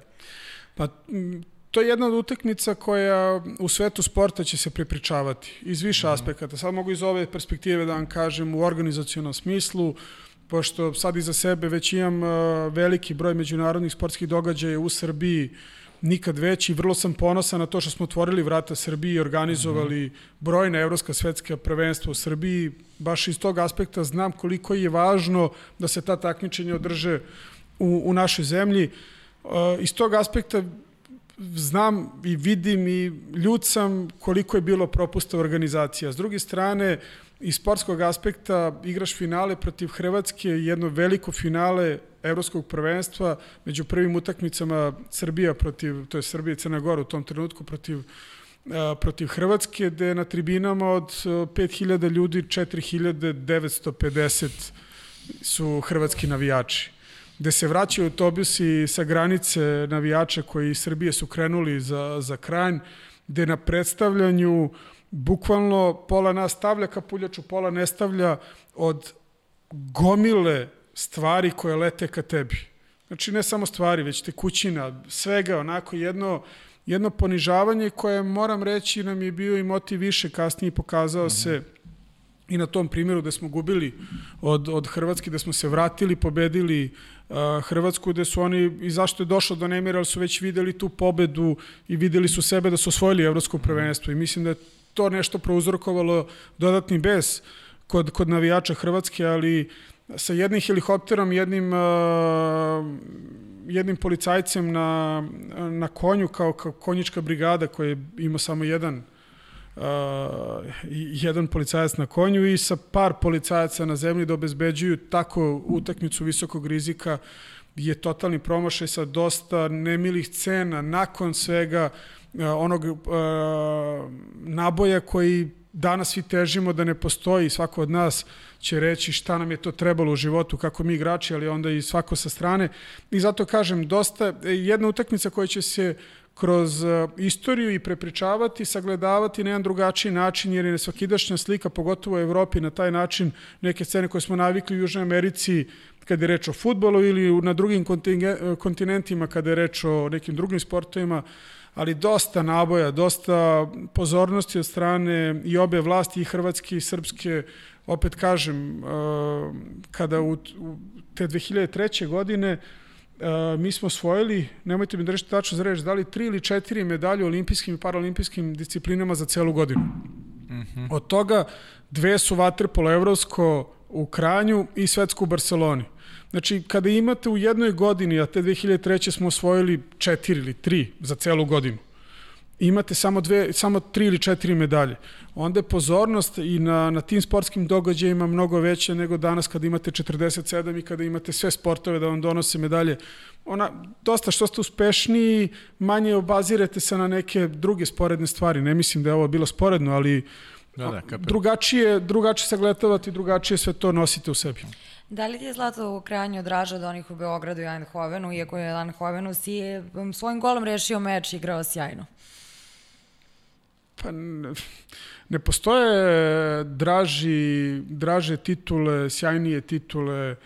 Mislim, pre, pre, smo, pre smo počeli, komentarisali smo, mislim da je u svakom od nas u generaciji naj, možda i onako najdraže zlato, svetsko, svetsko zlato u Rimu 2009. Zašto dolazi se do smene generacije, odlazimo tamo bez apsolutno medijske pompe, dosta se, očekivalo se da nećemo uh, proći ni osminu finala proti domaćina. U grupi smo igrali nerešeno proti Australije, izgubili od Španije. Znači, dosta onako traženja te ekipe u tom trenutku i od osmine finala lomimo, prebacujemo se i ostvarujemo, pa sad možemo reći istorijski uspeh osvajanjem svetskog zlata sa onim petercima uh, antologijskim koji se vrte na, na špici gola uh, Milena Aleksića u, u posljednjoj seriji.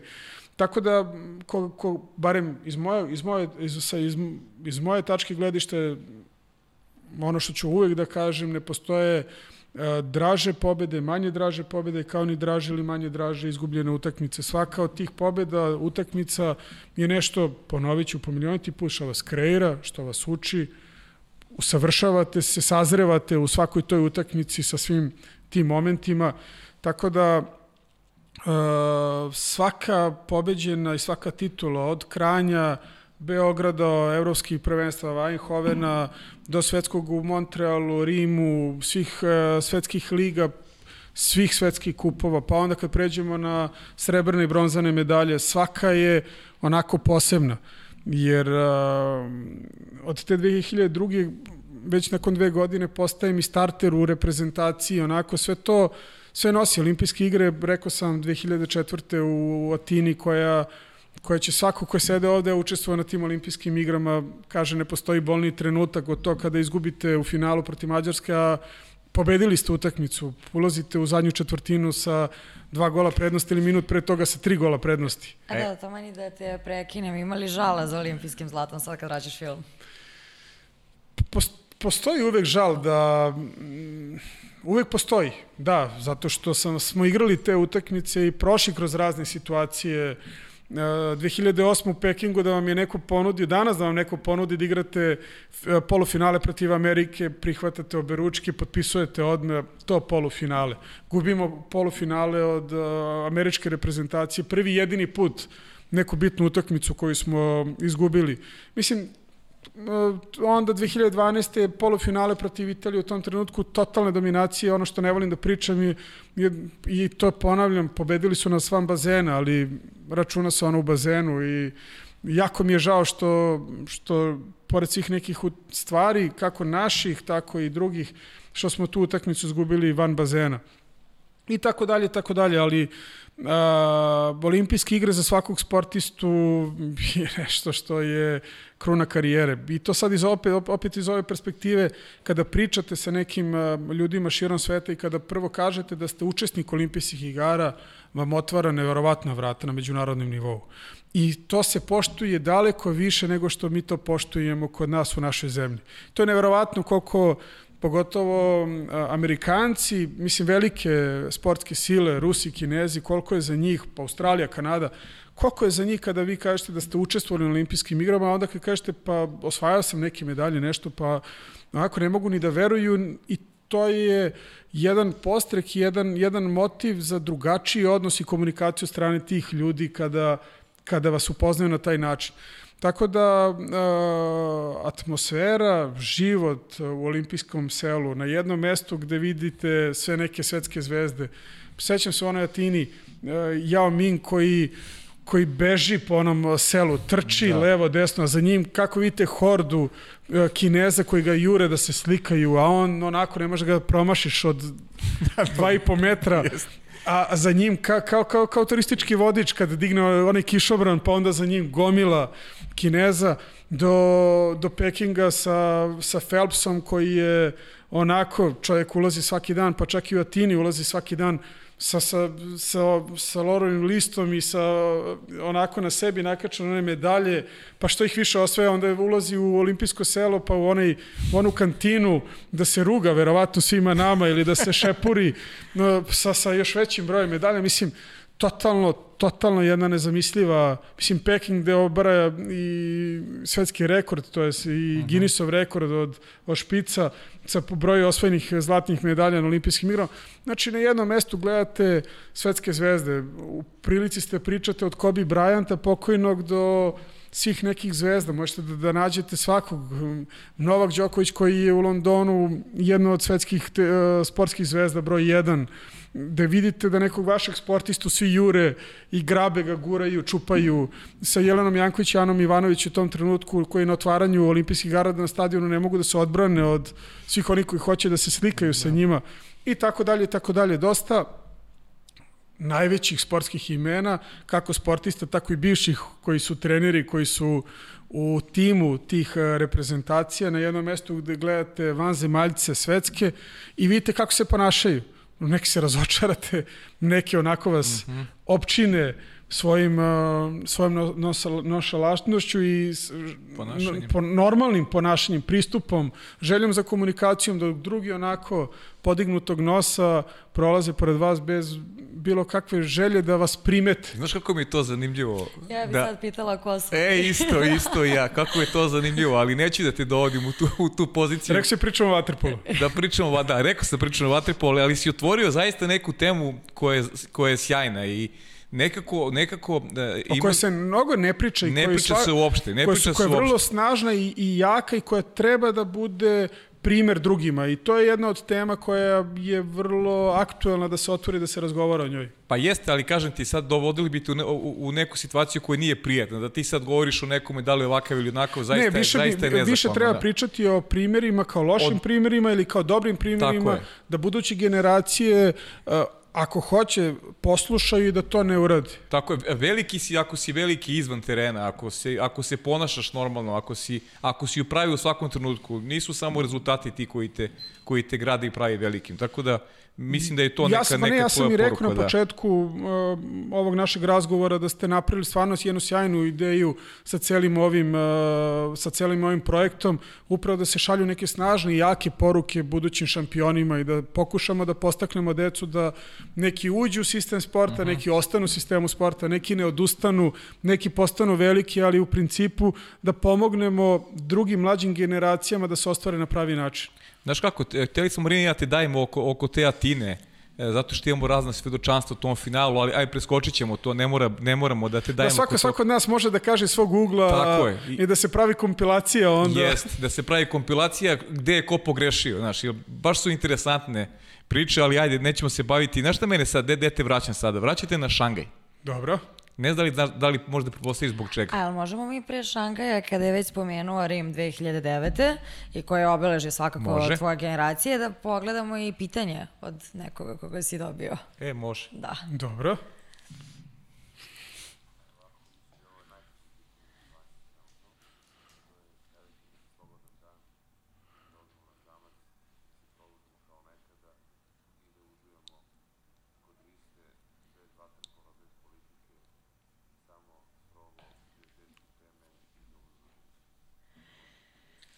Malo da razbijemo, pošto smo pa je dobio pitanje pre, pre ove, Tri minuta snimanja, pre, bukvalno. tako da ne, znam, nismo znali o čemu Da, se šta će, radi, ti, šta će ali... ti, prije, šta će ti neprijatelji pored prijatelja, to je uvek tako. Pa da, naravno. Filip u svom, u svom maniru. Uh, ja mnogo volim Filipa i uh, sa Filipom sam igrao mnogo godina i u klubovima i u reprezentaciji i dosta nekih i lepih i loših trenutaka smo prošli zajedno i profesionalnih i životnih i neko koga mnogo poštojem i volim i ja ističem i mislim da to za ponos svakog od nas da imamo u Srbiji sportistu koji je u rangu najvećih sportista sveta ikada.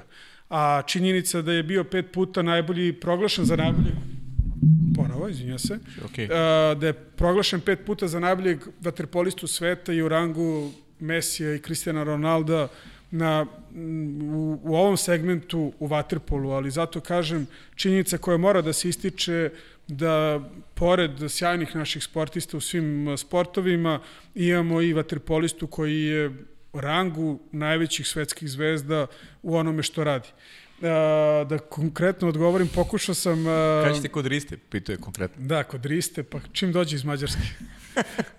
Ali uh, to je bilo, kad sam postao kapitan, uh, tad smo krenuli da idemo, znači mi, mi kod našeg bivšeg kolege Riste idemo već koliko 11-12 godina od trenutka kad je otvorio Riste. restoran.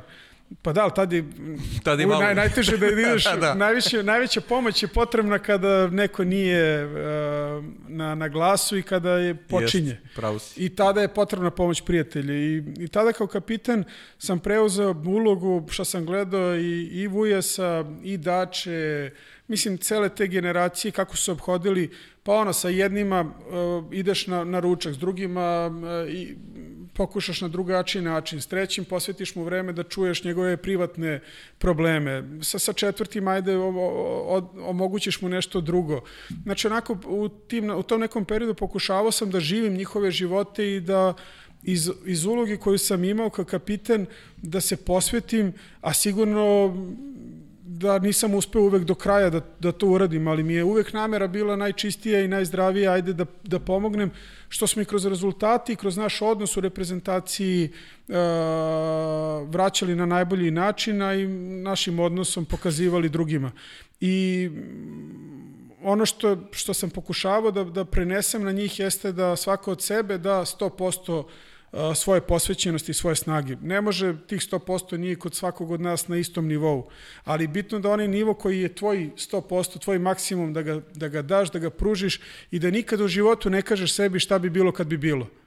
I to je jedan od segmenata gde sportista ne sme da se priupita nikad u životu. Da sam možda uradio ovo, onda bi bilo ovo. I to je odgovor i na, na tinu i na sve. Da. Iz ove perspektive nema šta bi bilo kad bi bilo. I to se dogodilo, to su poruke i nauci koje smo morali da izvučemo za naredne, za naredne utakmice, naredne takmičenja, to su poruke koje su drugi treneri izvlačili gledajući naše utakmice da prenesu na buduće generacije i ja sam generalno u životu ne volim da postavljam šta bi bilo kad bi bilo jer to znači da nisi dao celog sebe u onome što si radio, nisi pružio svoj maksimum u želji da postigneš što bolji rezultat. E, sad idemo Novi Šangaj. I dalje ne, ne možeš da prepostaviš zbog čega ti bitan za Šangaj. Ne, zašto izločimo Šangaj? E, taj dribling u polufinalu protiv Italije ili Španije. Aha, u finalu. U finalu protiv Italije i Španije, koji mnogi kažu da je da tako nešto nikad nije viđeno. Ja to ne možemo da pustim na YouTube-u zato što mogu da nas tuže, jel te? Stvarno? Da, ali ovaj, ili možeš ti da prepričaš nam ovako šta si ti to, šta si ti to uradio, jer nema čoveka koji nije rekao, pošto smo Marina i ja dobro pripremali za, za emisiju, kao što vidiš, nema čoveka koji nije rekao da, da, da je tako nešto, da je to nestvarno. I možda probaš da, da, da opišeš ljudima šta si ti uradio u to. Ne. Ne.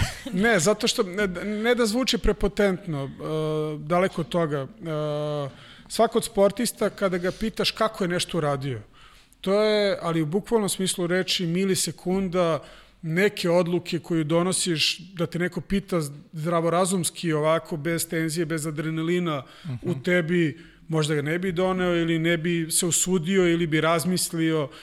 Mislim da to pravi razliku među, među igračima. Pa prvo Filipa da ga pitate kako je šutno ili zašto se odlučio za taj šut ili šta je uradio, ne, onako, totalno iskreno vam kažem, to su neki trenuci koje ni sam ne znaš kako su nastali, zašto su nastali, Uh, ono što znam jeste, to je posljednji minut finala na, na nerešeno, jer isplijevam iz, iz kućice.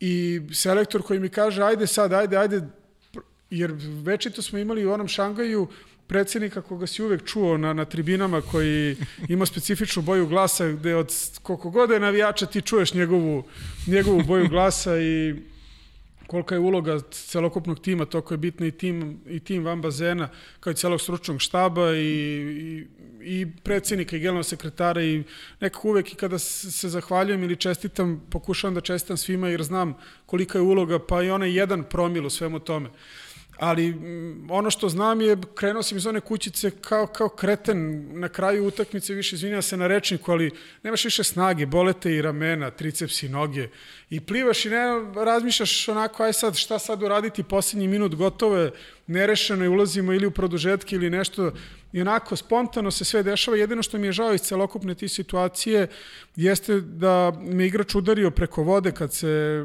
kad sam sve to uradio i po nekom pravilu, zato kažem, Italija je večito imala u tom nekom periodu nikad bolji uh, uticaj od, sa, od strane uh, spoljašnjih faktora, po, po PS-u ili u totalnom po pra, pratići regulativu, on je morao da dobije brutality, to jest da bude isključen na 3-4 minuta, da igramo sa igračem mm -hmm. više, da imamo peterac. I to je neka situacija koja je pokazala a, našu slabost kad je reč u, u svim dešavanjima van bazena ili u sportskoj diplomatiji i svu snagu Italije. I ako sam na nešto ponosan što sam pomogao Waterpolu kada sam izašao iz Waterpola, onda je to da smo promenili odnos svih u sistemu svetskog i evropskog Waterpola prema, prema nama i da smo igrali utakmice makar u izjednačenim snagama, a ne da krećemo iz minusa. Uh -huh.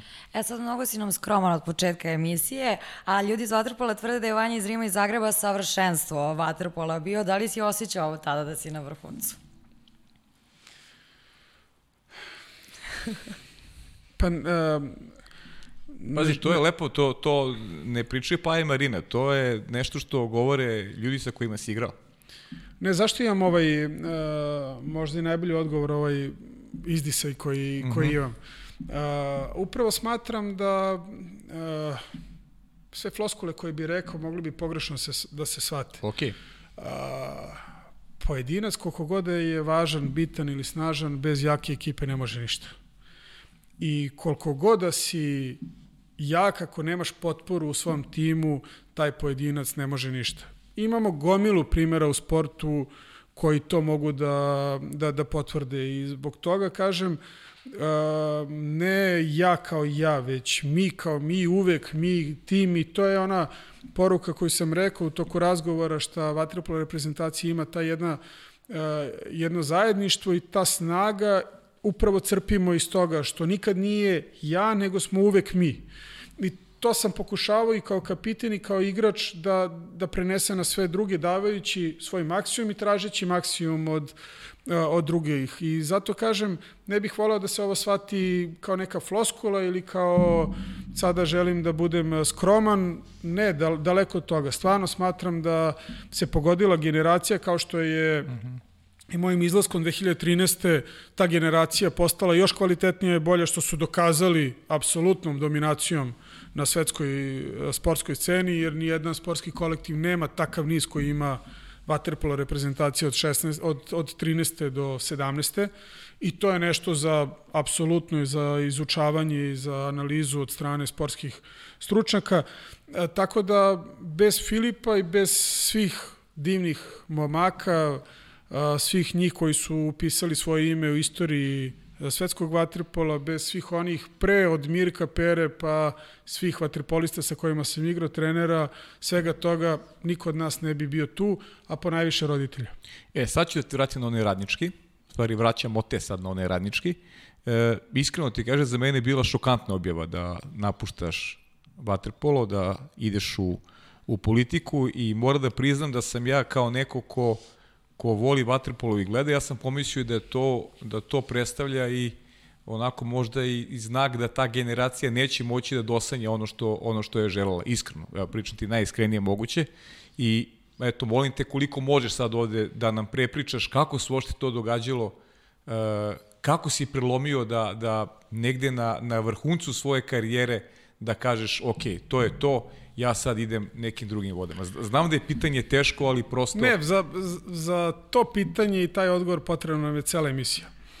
Skroz od početka, jer da, Dobro. da ti krenem i mogu da ti kažem kada kad ne budem bio na, na, na funkciji, vrlo rado ću sa tobom ovako i opet kažem svaka vam čast na, na ovom projektu, vrlo rado ću okay. uh, i podeliti. Ono što je važno, to je prvi put sam uh, došao i stao na ivicu i rekao, uf, što mi je teško.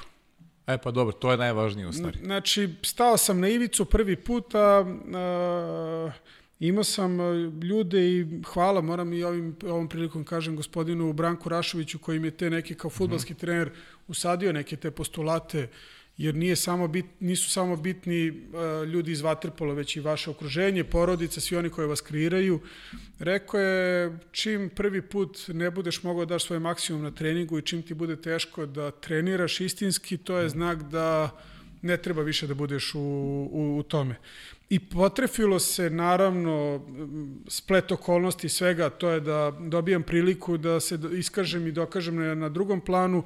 Uvek sam kritikovao, bio prvi u kritici i uvek sam prihvatao celokupnu odgovornost kao prvi kad je dobro i kad je loše a, i kada su napadali moju ekipu, ali sam zato vrlo bio a, tu prvi da kritikujem stvari koje ne valjaju, a nagledao sam se u Vatrepolu mnogo stvari koje nisu koje nisu valjale, a, neko vam daje priliku da promenite stvari i smatrao sam uh mhm. -huh. apsolutno neodgovorno kao sportista da kažem, e pa sad neću.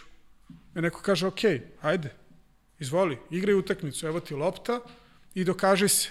I tako i nastaju u sportskom maniru kako, kako je Messi ili, mislim, pričam iz nekog drugog sporta, možemo pričamo u bilo kom, možemo o vaterpolu pričamo, kako nastaju šampioni, tako što ti neko da priliku, da ti mogućnost i otvori ti vrat i kaže, dokaži se i pokaži se.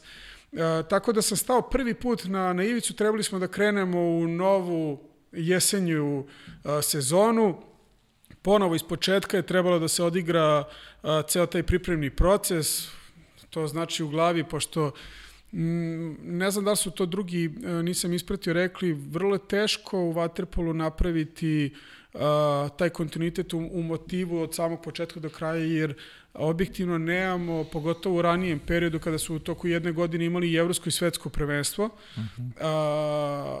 uh, mi smo sport bez ili sa jako malo dana slobodnog vremena i zbog specifičnosti sporta, to je vode drugačijeg okruženja, gde vi posle 3-4 dana već dobijate drugačiji utisak i gde ispadate nenormalnom brzinom iz forme i vaterpolo i plivanje je skroz drugačije nego bilo koji drugi sport, opet ponavljam, zbog ambijenta u kome se odigrava uh, ili radnje dešavljeno uh, odigrava sport.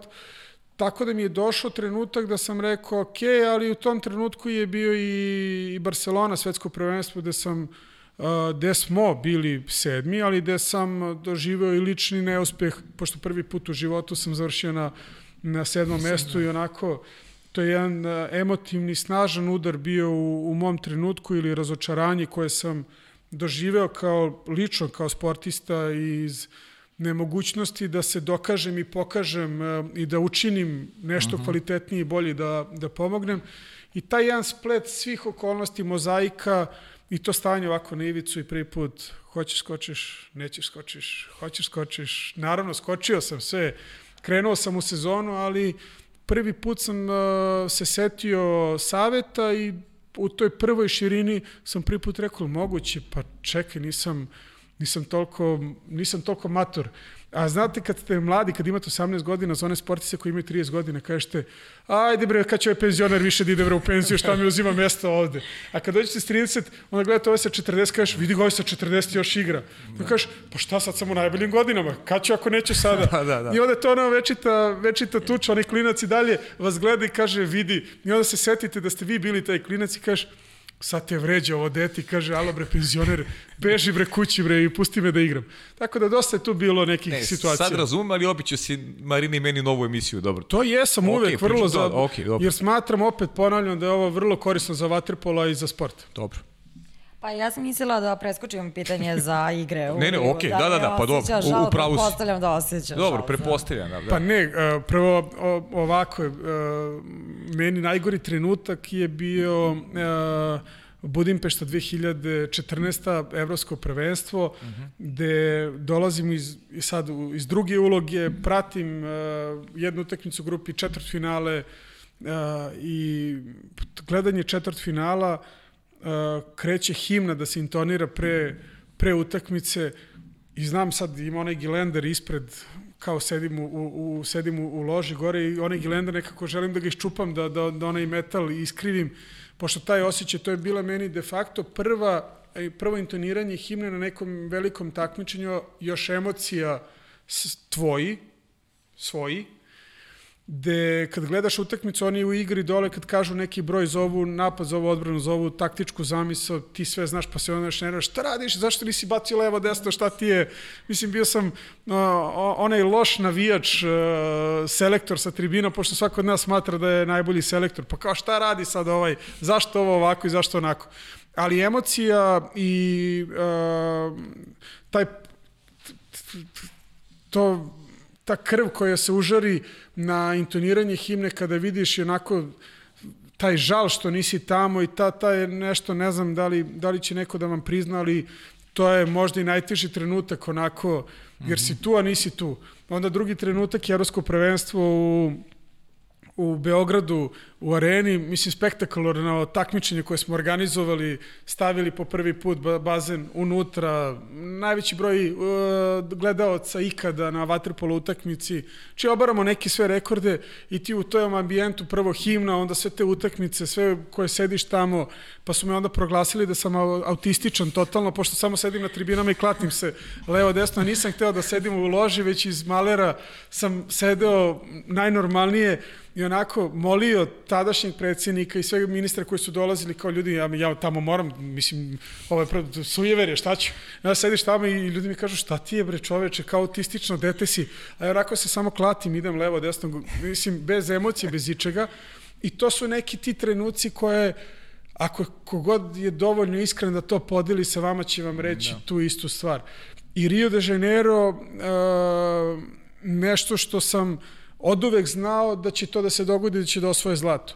Uh, ali sad uvijek posle svake bitke onako, ja mogu da kažem rekao sam, nisam rekao šta i on kao šta sad, sad si pametan, ali šalo na stranu uh, moj prvi razgovor uh, kad sam uh, izašao iz sveta sporta sa Dejanom Savićem selektorom našli smo, smo, našli smo se uh, na jednom mestu negde 12 pola 1 i onako bio je razgovor kao ok, šta ti meni sad savetuješ, kako aj ti razmisli da se vratiš, pa kažem čovjek, mislim, ok, ne možemo, pa dobro, meni bi značilo neki, pa čak možda i da tu da vidimo da li postoji mogućnost da radiš i da treniraš, mislim, onako iz neke najbolje namere idejno sam zahvalan mm -hmm. na tome. I tad sam rekao, ja sam siguran da ćeš ti biti najpoznatiji, najtrofejniji trener, ova generacija, najtrofejnija generacija i to prosto sam siguran i to će se dogoditi. I on onako sa, sa tom skepsom videlo se u očima, jer završio je sedmi, znao je da na sledećem takmičenju igra se u Budimpešti, ako se ne napravi rezultat, dolazi do smene trenera, što je normalna splet okolnosti, uh, pogotovo u Waterpolu. Ja sam rekao, čoveče, ne brini se. Tu sam, ja ću raditi sve što mogu van bazena, ali ti to postaješ i ova generacija to postaje. I kroz takmičenje u Rio de Janeiro gubljenje od Brazila, loše grupa gde je ovako i onako razni pozivi u sred noći koje sam imao, pa šta rade ovi, šta rade ovi tvoji, kako to sad? Kažem, sve je u redu, oni 100% osvajaju. Kako osvajaju? Ne mogu Brazil da pobede, ko će da, ko će da osvoji na olimpijskim igrama da pobedi ako ne mogu Brazil da, da, da pobede i tako dalje i tako dalje, tako da pokazalo se da potpuna dominacija nije dobra tokom turnira, da kada imate neke male packe i malo kada se vraćaju nazad, je to onako pokazalo se kao, kao, kao uspešno i kao vrlo dobro, ali Došao sam u Rio, onako, posle toga sam ih zagrlio od srca, iskreno sam istinski srećan što imaju zlatnu medalju oko, oko vrata i ne postoji ni, ni, ni zrno sujete ili uh, da žalim za ono što sam igrao i što nismo napravili, za, za time žalim. A ovo ne žalim ni jedne sekunde, već mi je puno srce zbog sve njih tamo. E, ajde još malo da prođemo još neke pitanja, pa polako da pređemo na, na pitanja gledalaca, jer ih, jer ih ima. E, Mislim, izvini što sam odužio, ali... Ne, ta, ta, da ti kažem nešto, meni je žao što, što ovo ne može da traje i duže, jer očigledno nam trebaju i dve emisije i nisi jedini za koga treba dve emisije, da ne preteramo, da ne odemo u tri sata, bojim se da neće niko da nas gleda u toj varijanti. Da Slažem mi napravimo, da mi napravimo Slažem dve emisije, bolje tako. E, imao si priliku, sad si kao funkcioner, rekao si ta pomoć Vaterpolu koja uvek stoji, e, želiš teži da pomogneš svom sportu. Kaži mi, koliko si zadovoljan u kom se e, stanju sport danas, e, Vaterpolo danas nalazi i naravno e, da li pratiš šta se dešava u ligi, uskoro kreće liga, imaš li tu nekog, nekog favorita? Pa da, prvo ovako, bilo kog sportista ako pitate da li je zadovoljan, reći će da nije zadovoljan, da uvek uh mhm. -huh. može i bolje i kvalitetnije. A, generalno, sa, ove, sa, ovo, sa ovog mesta, neke stvari koje sam uh, kritikovao, neke sam uspeo da napravim i imamo neverovatne rezultate i rezultat na Seanforu pokazuje da smo danas bolji uh -huh. nego što smo bili. To je neka ta sportska utakmica u kojoj učestvujem od broja osvojenih medalja gde je četiri puta više, do nikad većeg broja međunarodnih takmičenja koje smo organizovali, nikad više stipendija koje, koje dajemo. Znači, dosta, dosta nekih segmenata koje ja sada mogu da nabrajam i da, da izločim koliko dece u sistemu sporta, koliko u sistemu školskog sporta da je duplo više. Mislim, mi danas imamo 180.000 dece u sistemu školskog sporta, a kada sam postao ministar imali smo 90. Znači, to su neke, neki motivacioni momenti koje svakog od nas uh, i pokreću kad pričamo o vaterpolu kao svom bazičnom sportu i sport koji im je preporučio uh mhm. -huh. na jedan način uh, za ovu drugu funkciju. Uh, žao mi je što se danas nalazimo u ovoj situaciji u kojoj se nalazimo, jer možemo da uvek nađemo se u, u boljoj. Uh, dosta je odgovornosti na mene kao prvom, ali na svim koji su odgovorni i to je nešto na čemu ja se zalažem sve vreme i težim da svako snosi svoju odgovornost i da se zna ako je neko loše radio, da je loše radio, ako je neko dobro radio, da je dobro radio i da kao u sportu vrlo transparentno i jasno se pokaže rezultat na semaforu.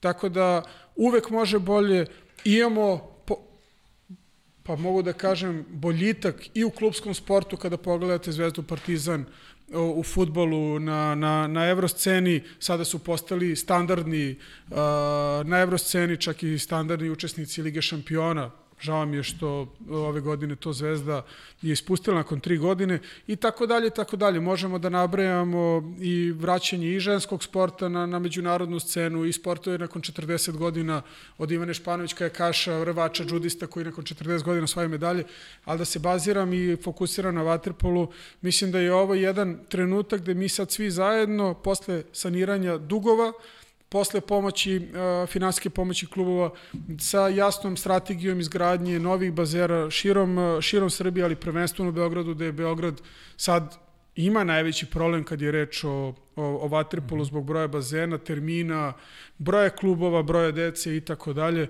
da je ovo sad pravi trenutak da kada smo sanirali sve neke loše stvari, da se sada meri cela pozitiva u narednom periodu. Uh -huh. E, ja imam pitanje, prvo da ti se izvinim što sam na telefonu, nisam nekulturno, nego stižno pitanja gledalaca na Instagramu, pa ja sve vreme proveravam. Uh, utisak je da bi ova lige uh, bila, da je ova liga ove godine mogla da bude najinteresantnija, to je da će moći da bude najinteresantnija, pa koga bi izvojio kao favorita?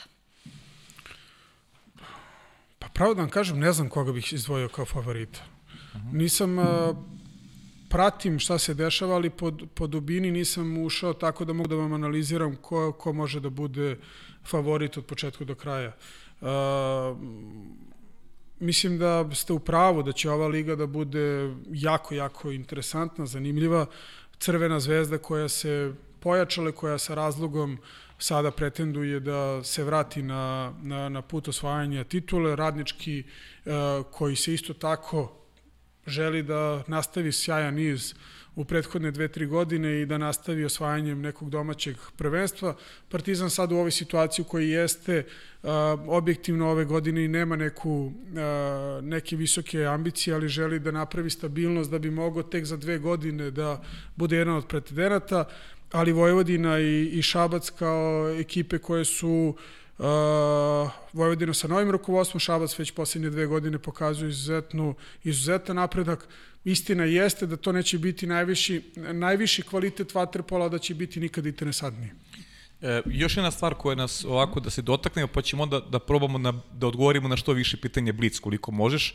E, to je ona priča koju si jednom momentu apostrofirao, to je ona ponuda da igraš za italijansku reprezentaciju. Ja, ja znam da si tu mogao onako da neko bi na tom mestu to prihvatio, to sam teo da kažem, ali i da je to bilo onako izdašna ponuda i tako dalje i tako dalje. Kaži mi, ajde, koliko možeš da nam ispričaš kako se taj proces odvijao i e, ka, ka, kako si ga završio?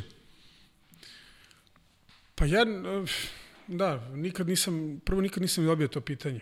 Uh -huh. A, pa onda, pravo da kažem, nisam ni razmišljao kakav, kakav bi bio adekvatan odgovor na, na tu temu. Ono što je istina, dobio sam ponudu da igram za italijansku reprezentaciju. U tom trenutku italijanska federacija je rekla da svaki stranac koji ima italijanski pasoš, a u tom trenutku imam italijanski pasoš, da bi mogao da igra kao domaći igrač, da ne zauzima mesto stranca, mora da igra i da se prijavi da igra za italijansku reprezentaciju, to je da uzme sportsko državljanstvo. Uh -huh. Uh, I tada mi predsednik Proreka dolazi sa ponudom koja za Vatrpole nezamisliva da se obezbede pa i dve, tri buduće generacije, ali ono što je bilo primamljivije jeste siguran posao nakon karijere i onako neke cifre koje su za Vaterpolo nezamislive, koje su mnogo bliže dvogodišnjim, trogodišnjim košarkaškim ugovorima i nekim stvarima. I odbijanjem, on je mene pitao, jesi ti siguran šta radiš, jer od slave se ne živi onako ja kao privat, privrednik mogu da ti kažem da je to totalno glupa tvoja mm -hmm. odluka. U tom trenutku sam uh, sanjam svoj san, a to je da sam da postajem, to je postao sam kapitan srpske reprezentacije i ja mu odgovaram, u tom trenutku odbijam sa svim onim patriotskim uh, rečenicama koje pa ja mislim da bi svako to uradio, ali ajde da ne kažem, to je bilo moje vođenje gde moji najbliži prijatelji su bili, kada su saznali, su neki rekli pa ti si lud, ti si glup, to niko neće poštovati u Srbiji. Sam rekao, meni ovo ne treba, meni ne treba da poštuje niko drugi, moja lična satisfakcija i zbog toga što sam odbio, uh, otkazan mi ugovor u proreku, on je rekao, ne, znaš da ne možeš da mi kažeš ne i doviđenja. Ne. U tom trenutku kao najbolji igrač na svetu zvanično, kažem sve u redu, legitimno, hvala mnogo i krećem jednim drugim, uh, drugim putem.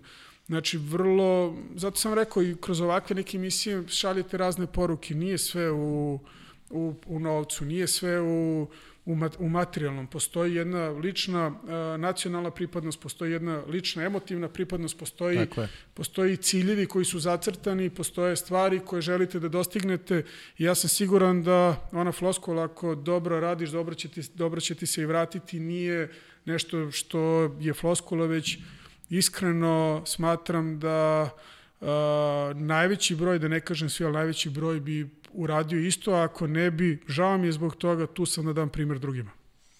E, ja mislim da je vreme za pitanje ne, gledalca. naravno, naravno. A, dobili smo toliko poruka i toliko komentara, ja ću a, da krenem od, pa ovde najviše ljudi zapravo pitalo da nam podeliš sa nama neke anegdote, neke priče koje nikad nećeš zaboraviti, pa ajde da krenemo od toga ako se nečega setiš. Pa neki sam vam, neki sam vam već rekao u, u, u, u šali, tako da za sledeću emisiju, ako mi, ako mi da, da date taj prostor da mi kažete neko pitanje unapred, pripremit ću se, pa, pa ćemo doći da, mislim, jasno i ja da sam neko, ja bih rekao da, daj nam, da nam jer, su, jer su to najbolje priče od, od svih onih momenta koji smo proživeli, lepih, loših i što je javnost pisala i što je javnost pričala, do svih nekih uh, slavlja, do, do momenta kako se dolazi do, do nekih trenutaka, do svih nekih povreda koji smo svako od nas živeo svoje povrede, onda živeo i tuđe i onako bodri jedan drugoga, tako da postoji dosta tu trenutaka, što mi je rekao Cimer, čoveče, više sam sa tobom proveo vremena nego sa sobstvenom ženom, tako da... Ajmo sad još jedno brzinsko, pita Milan, kako, kako izgledao jedan dan dvanje tokom karijeri i da li se posebno pripremao za određenog rivala ekipu, prepostavljam da, da jesi, naravno. A, s vremenom se ta priprema i vremenska priprema smanjuje kada ste, kada ste mladi, neiskusni, naravno da vam treba mnogo više vremena i dan kad sam bio sportista, prvo mi smo, mi smo nesvakidašnje trenirali, pogotovo kad smo bili mlađi, to je po 7-8 sati dnevno trening. Pa onda uđeš u reprezentaciju, pa naravno ove starije pusti trener kući, a onda sve neku svoju frustraciju, onako životnu, naravno hvala mu na tome u šaljivom smislu, onako iskali na nama još sat i po vremena, pa taj trening onako traje i traje i traje. Tako da smo mi pripreme za, za rivale imali kroz uh, jako dugačke treninge, pogotovo što je Vatrepolo specifičan, i kroz sati i sate gledanja snimaka i mislim da je to najbolji način za sportistu kad može na snimku na TV-u da vidi svoje greška i da se pripremi za sledećeg rivala. Iako danas se ti snimci smanjuju zbog uh, vremena kako se menjaju, klinci više ne mogu da drže pažnju, kao i što ste rekli za gledanje ove emisije, Tako, da. pa onda se to sve smanjuje, a ranije to su neka druga vremena, bilo je po dva sata snimka. A, naša kolega iz Vatrpola Storija a, piti ovako, kako je zaigrao za seniorski tim, nije završio godinu bar bez jedne medalje. Koju bi godinu takmičenja izdvojio kao najdraže ili najteža osvojena, da nije Rim, i dodali su oni glasiju za London 2012. i gol pred sam kraj utakmice. Pa ne znam, iz, iz ove perspektive uh, meni najdraža moja prva godina kada sam uh, ušao u reprezentaciju, to je te prve dve godine, jer su to profesionalno prekretnice u, u svakom od, od, od nas, jer kao što sam rekao, onda shvatiš da ti je sve to tu negde dostupno i da sve to može. I kad imaš ovakvu jednu karijeru iza sebe, jako je teško izdvojiti bilo šta. Beograd 2006. igrati pred domaćom publikom i 2002. Fina Kup su antologijski nevjeratan je osjećaj igrati pred, pred domaćom publikom i a, 2008. A, Malaga koja je bila u, u senci svega onoga što se dogodilo Danilu i posle toga olimpijske igre, mislim isto tako svaka neka godina je vukla neku svoju tešku priču ili vrlo radosnu priču, ali u svakom slučaju kada imaš Mislim da ako treba da biram, biram evo ovako 2013. kad smo bili sedmi koja je onako meni napravila određene postulati i određene motive za budućnost i onim čime se bavim. E, znam da pratiš košarku i si Naravno. pročitao komentar posle posljednje utakmice Denvera, jednog američkog da trenera, da, da Jokić igra košarku kao vaterpolo.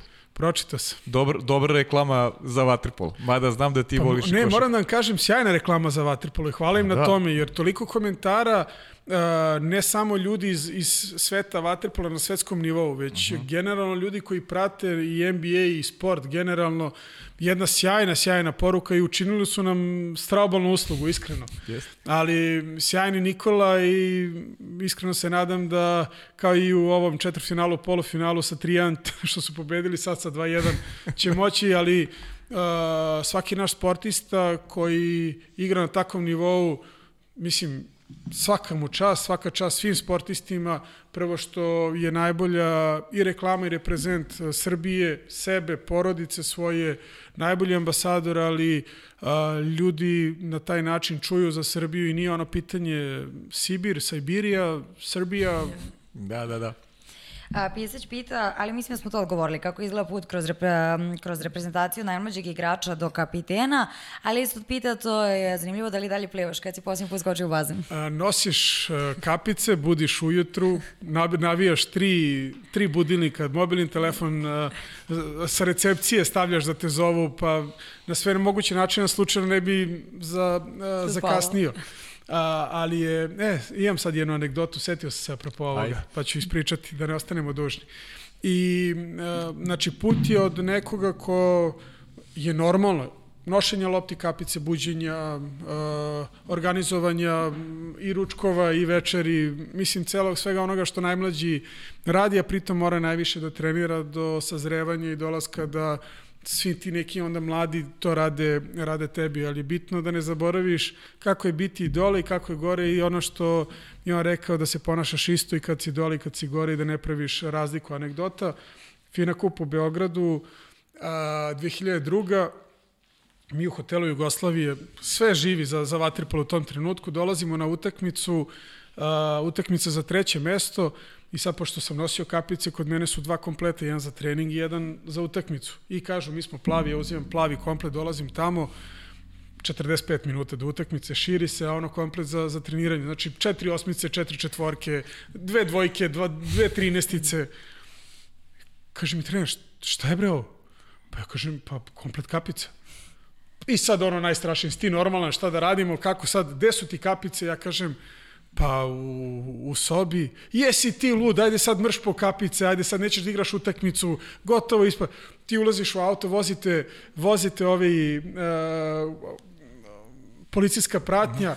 Ja ulazim da me vozi policijska pra, pa, pratnja, do, dotrčava Gocić. Šta je bilo? Evo idem ja. Mene nek voze, vrati se unutra, za, zagrevaj se. Čovjek za 10 minuta, taš Majdan, oni hodnici u hotelu Jugoslavije koji su po 200 metara, ono kad treba da, da ideš, nije ti dobro. Dolazi za 10 minuta, mi imamo kapice, kaže meni selektor, dobro, izvukao si se. Dobro, timski. Ja kažem, mislim, ono, prestravljam, prebledeo, ne, ne, ne, znaš, ne znaš šta radiš. Ja sam kažem, pa sam i dalje u ekipi igram. Ajde bre, beži bre, igraj tamo, skači, ajde. Tako da je bilo, sad ne mogu da vam prepričavam i terminologiju i onako sve kako je bilo, ali dosta toga je bilo da, da zaboraviš sve, pa kad zaboraviš da probudiš, mislim, timsko zafrakancija i ćebovanje u onom pozitivnom smislu do, do ostalih stvari, svašta se prolazi. Ima još Imam ja. Ajde, ajde, ima, ajde, ajde. Ima. A, ko je najbolji igrač svih vremena ili ako ti je lakše, ko je najbolji od onih sa kojima si delio bazen? Pa za najbolji igrač svih vremena to bih trebao da nabrajam. Mm. Mislim, iskreno. Uh, svako sa kojima sam igrao je neverovatan. Mislim, iskreno, imao sam tu priliku i nekako danas je malo sužen taj krug tih vrhunskih igrača e, nego što je nego što je bio. Mislim Vladimir Vasiljević koji je igrao poziciju koju ja igram i koji je bio kapitan reprezentacije koji je bio gledalo sportiste onako jednog profesionalca gde smo se svi na njega ugledali i s razlogom je bio najbolji sportista sveta, ali kada vi pogledate, cela naša reprezentacija, najveći deo njih je bio proglašen za najboljeg e, vaterpolistu sveta.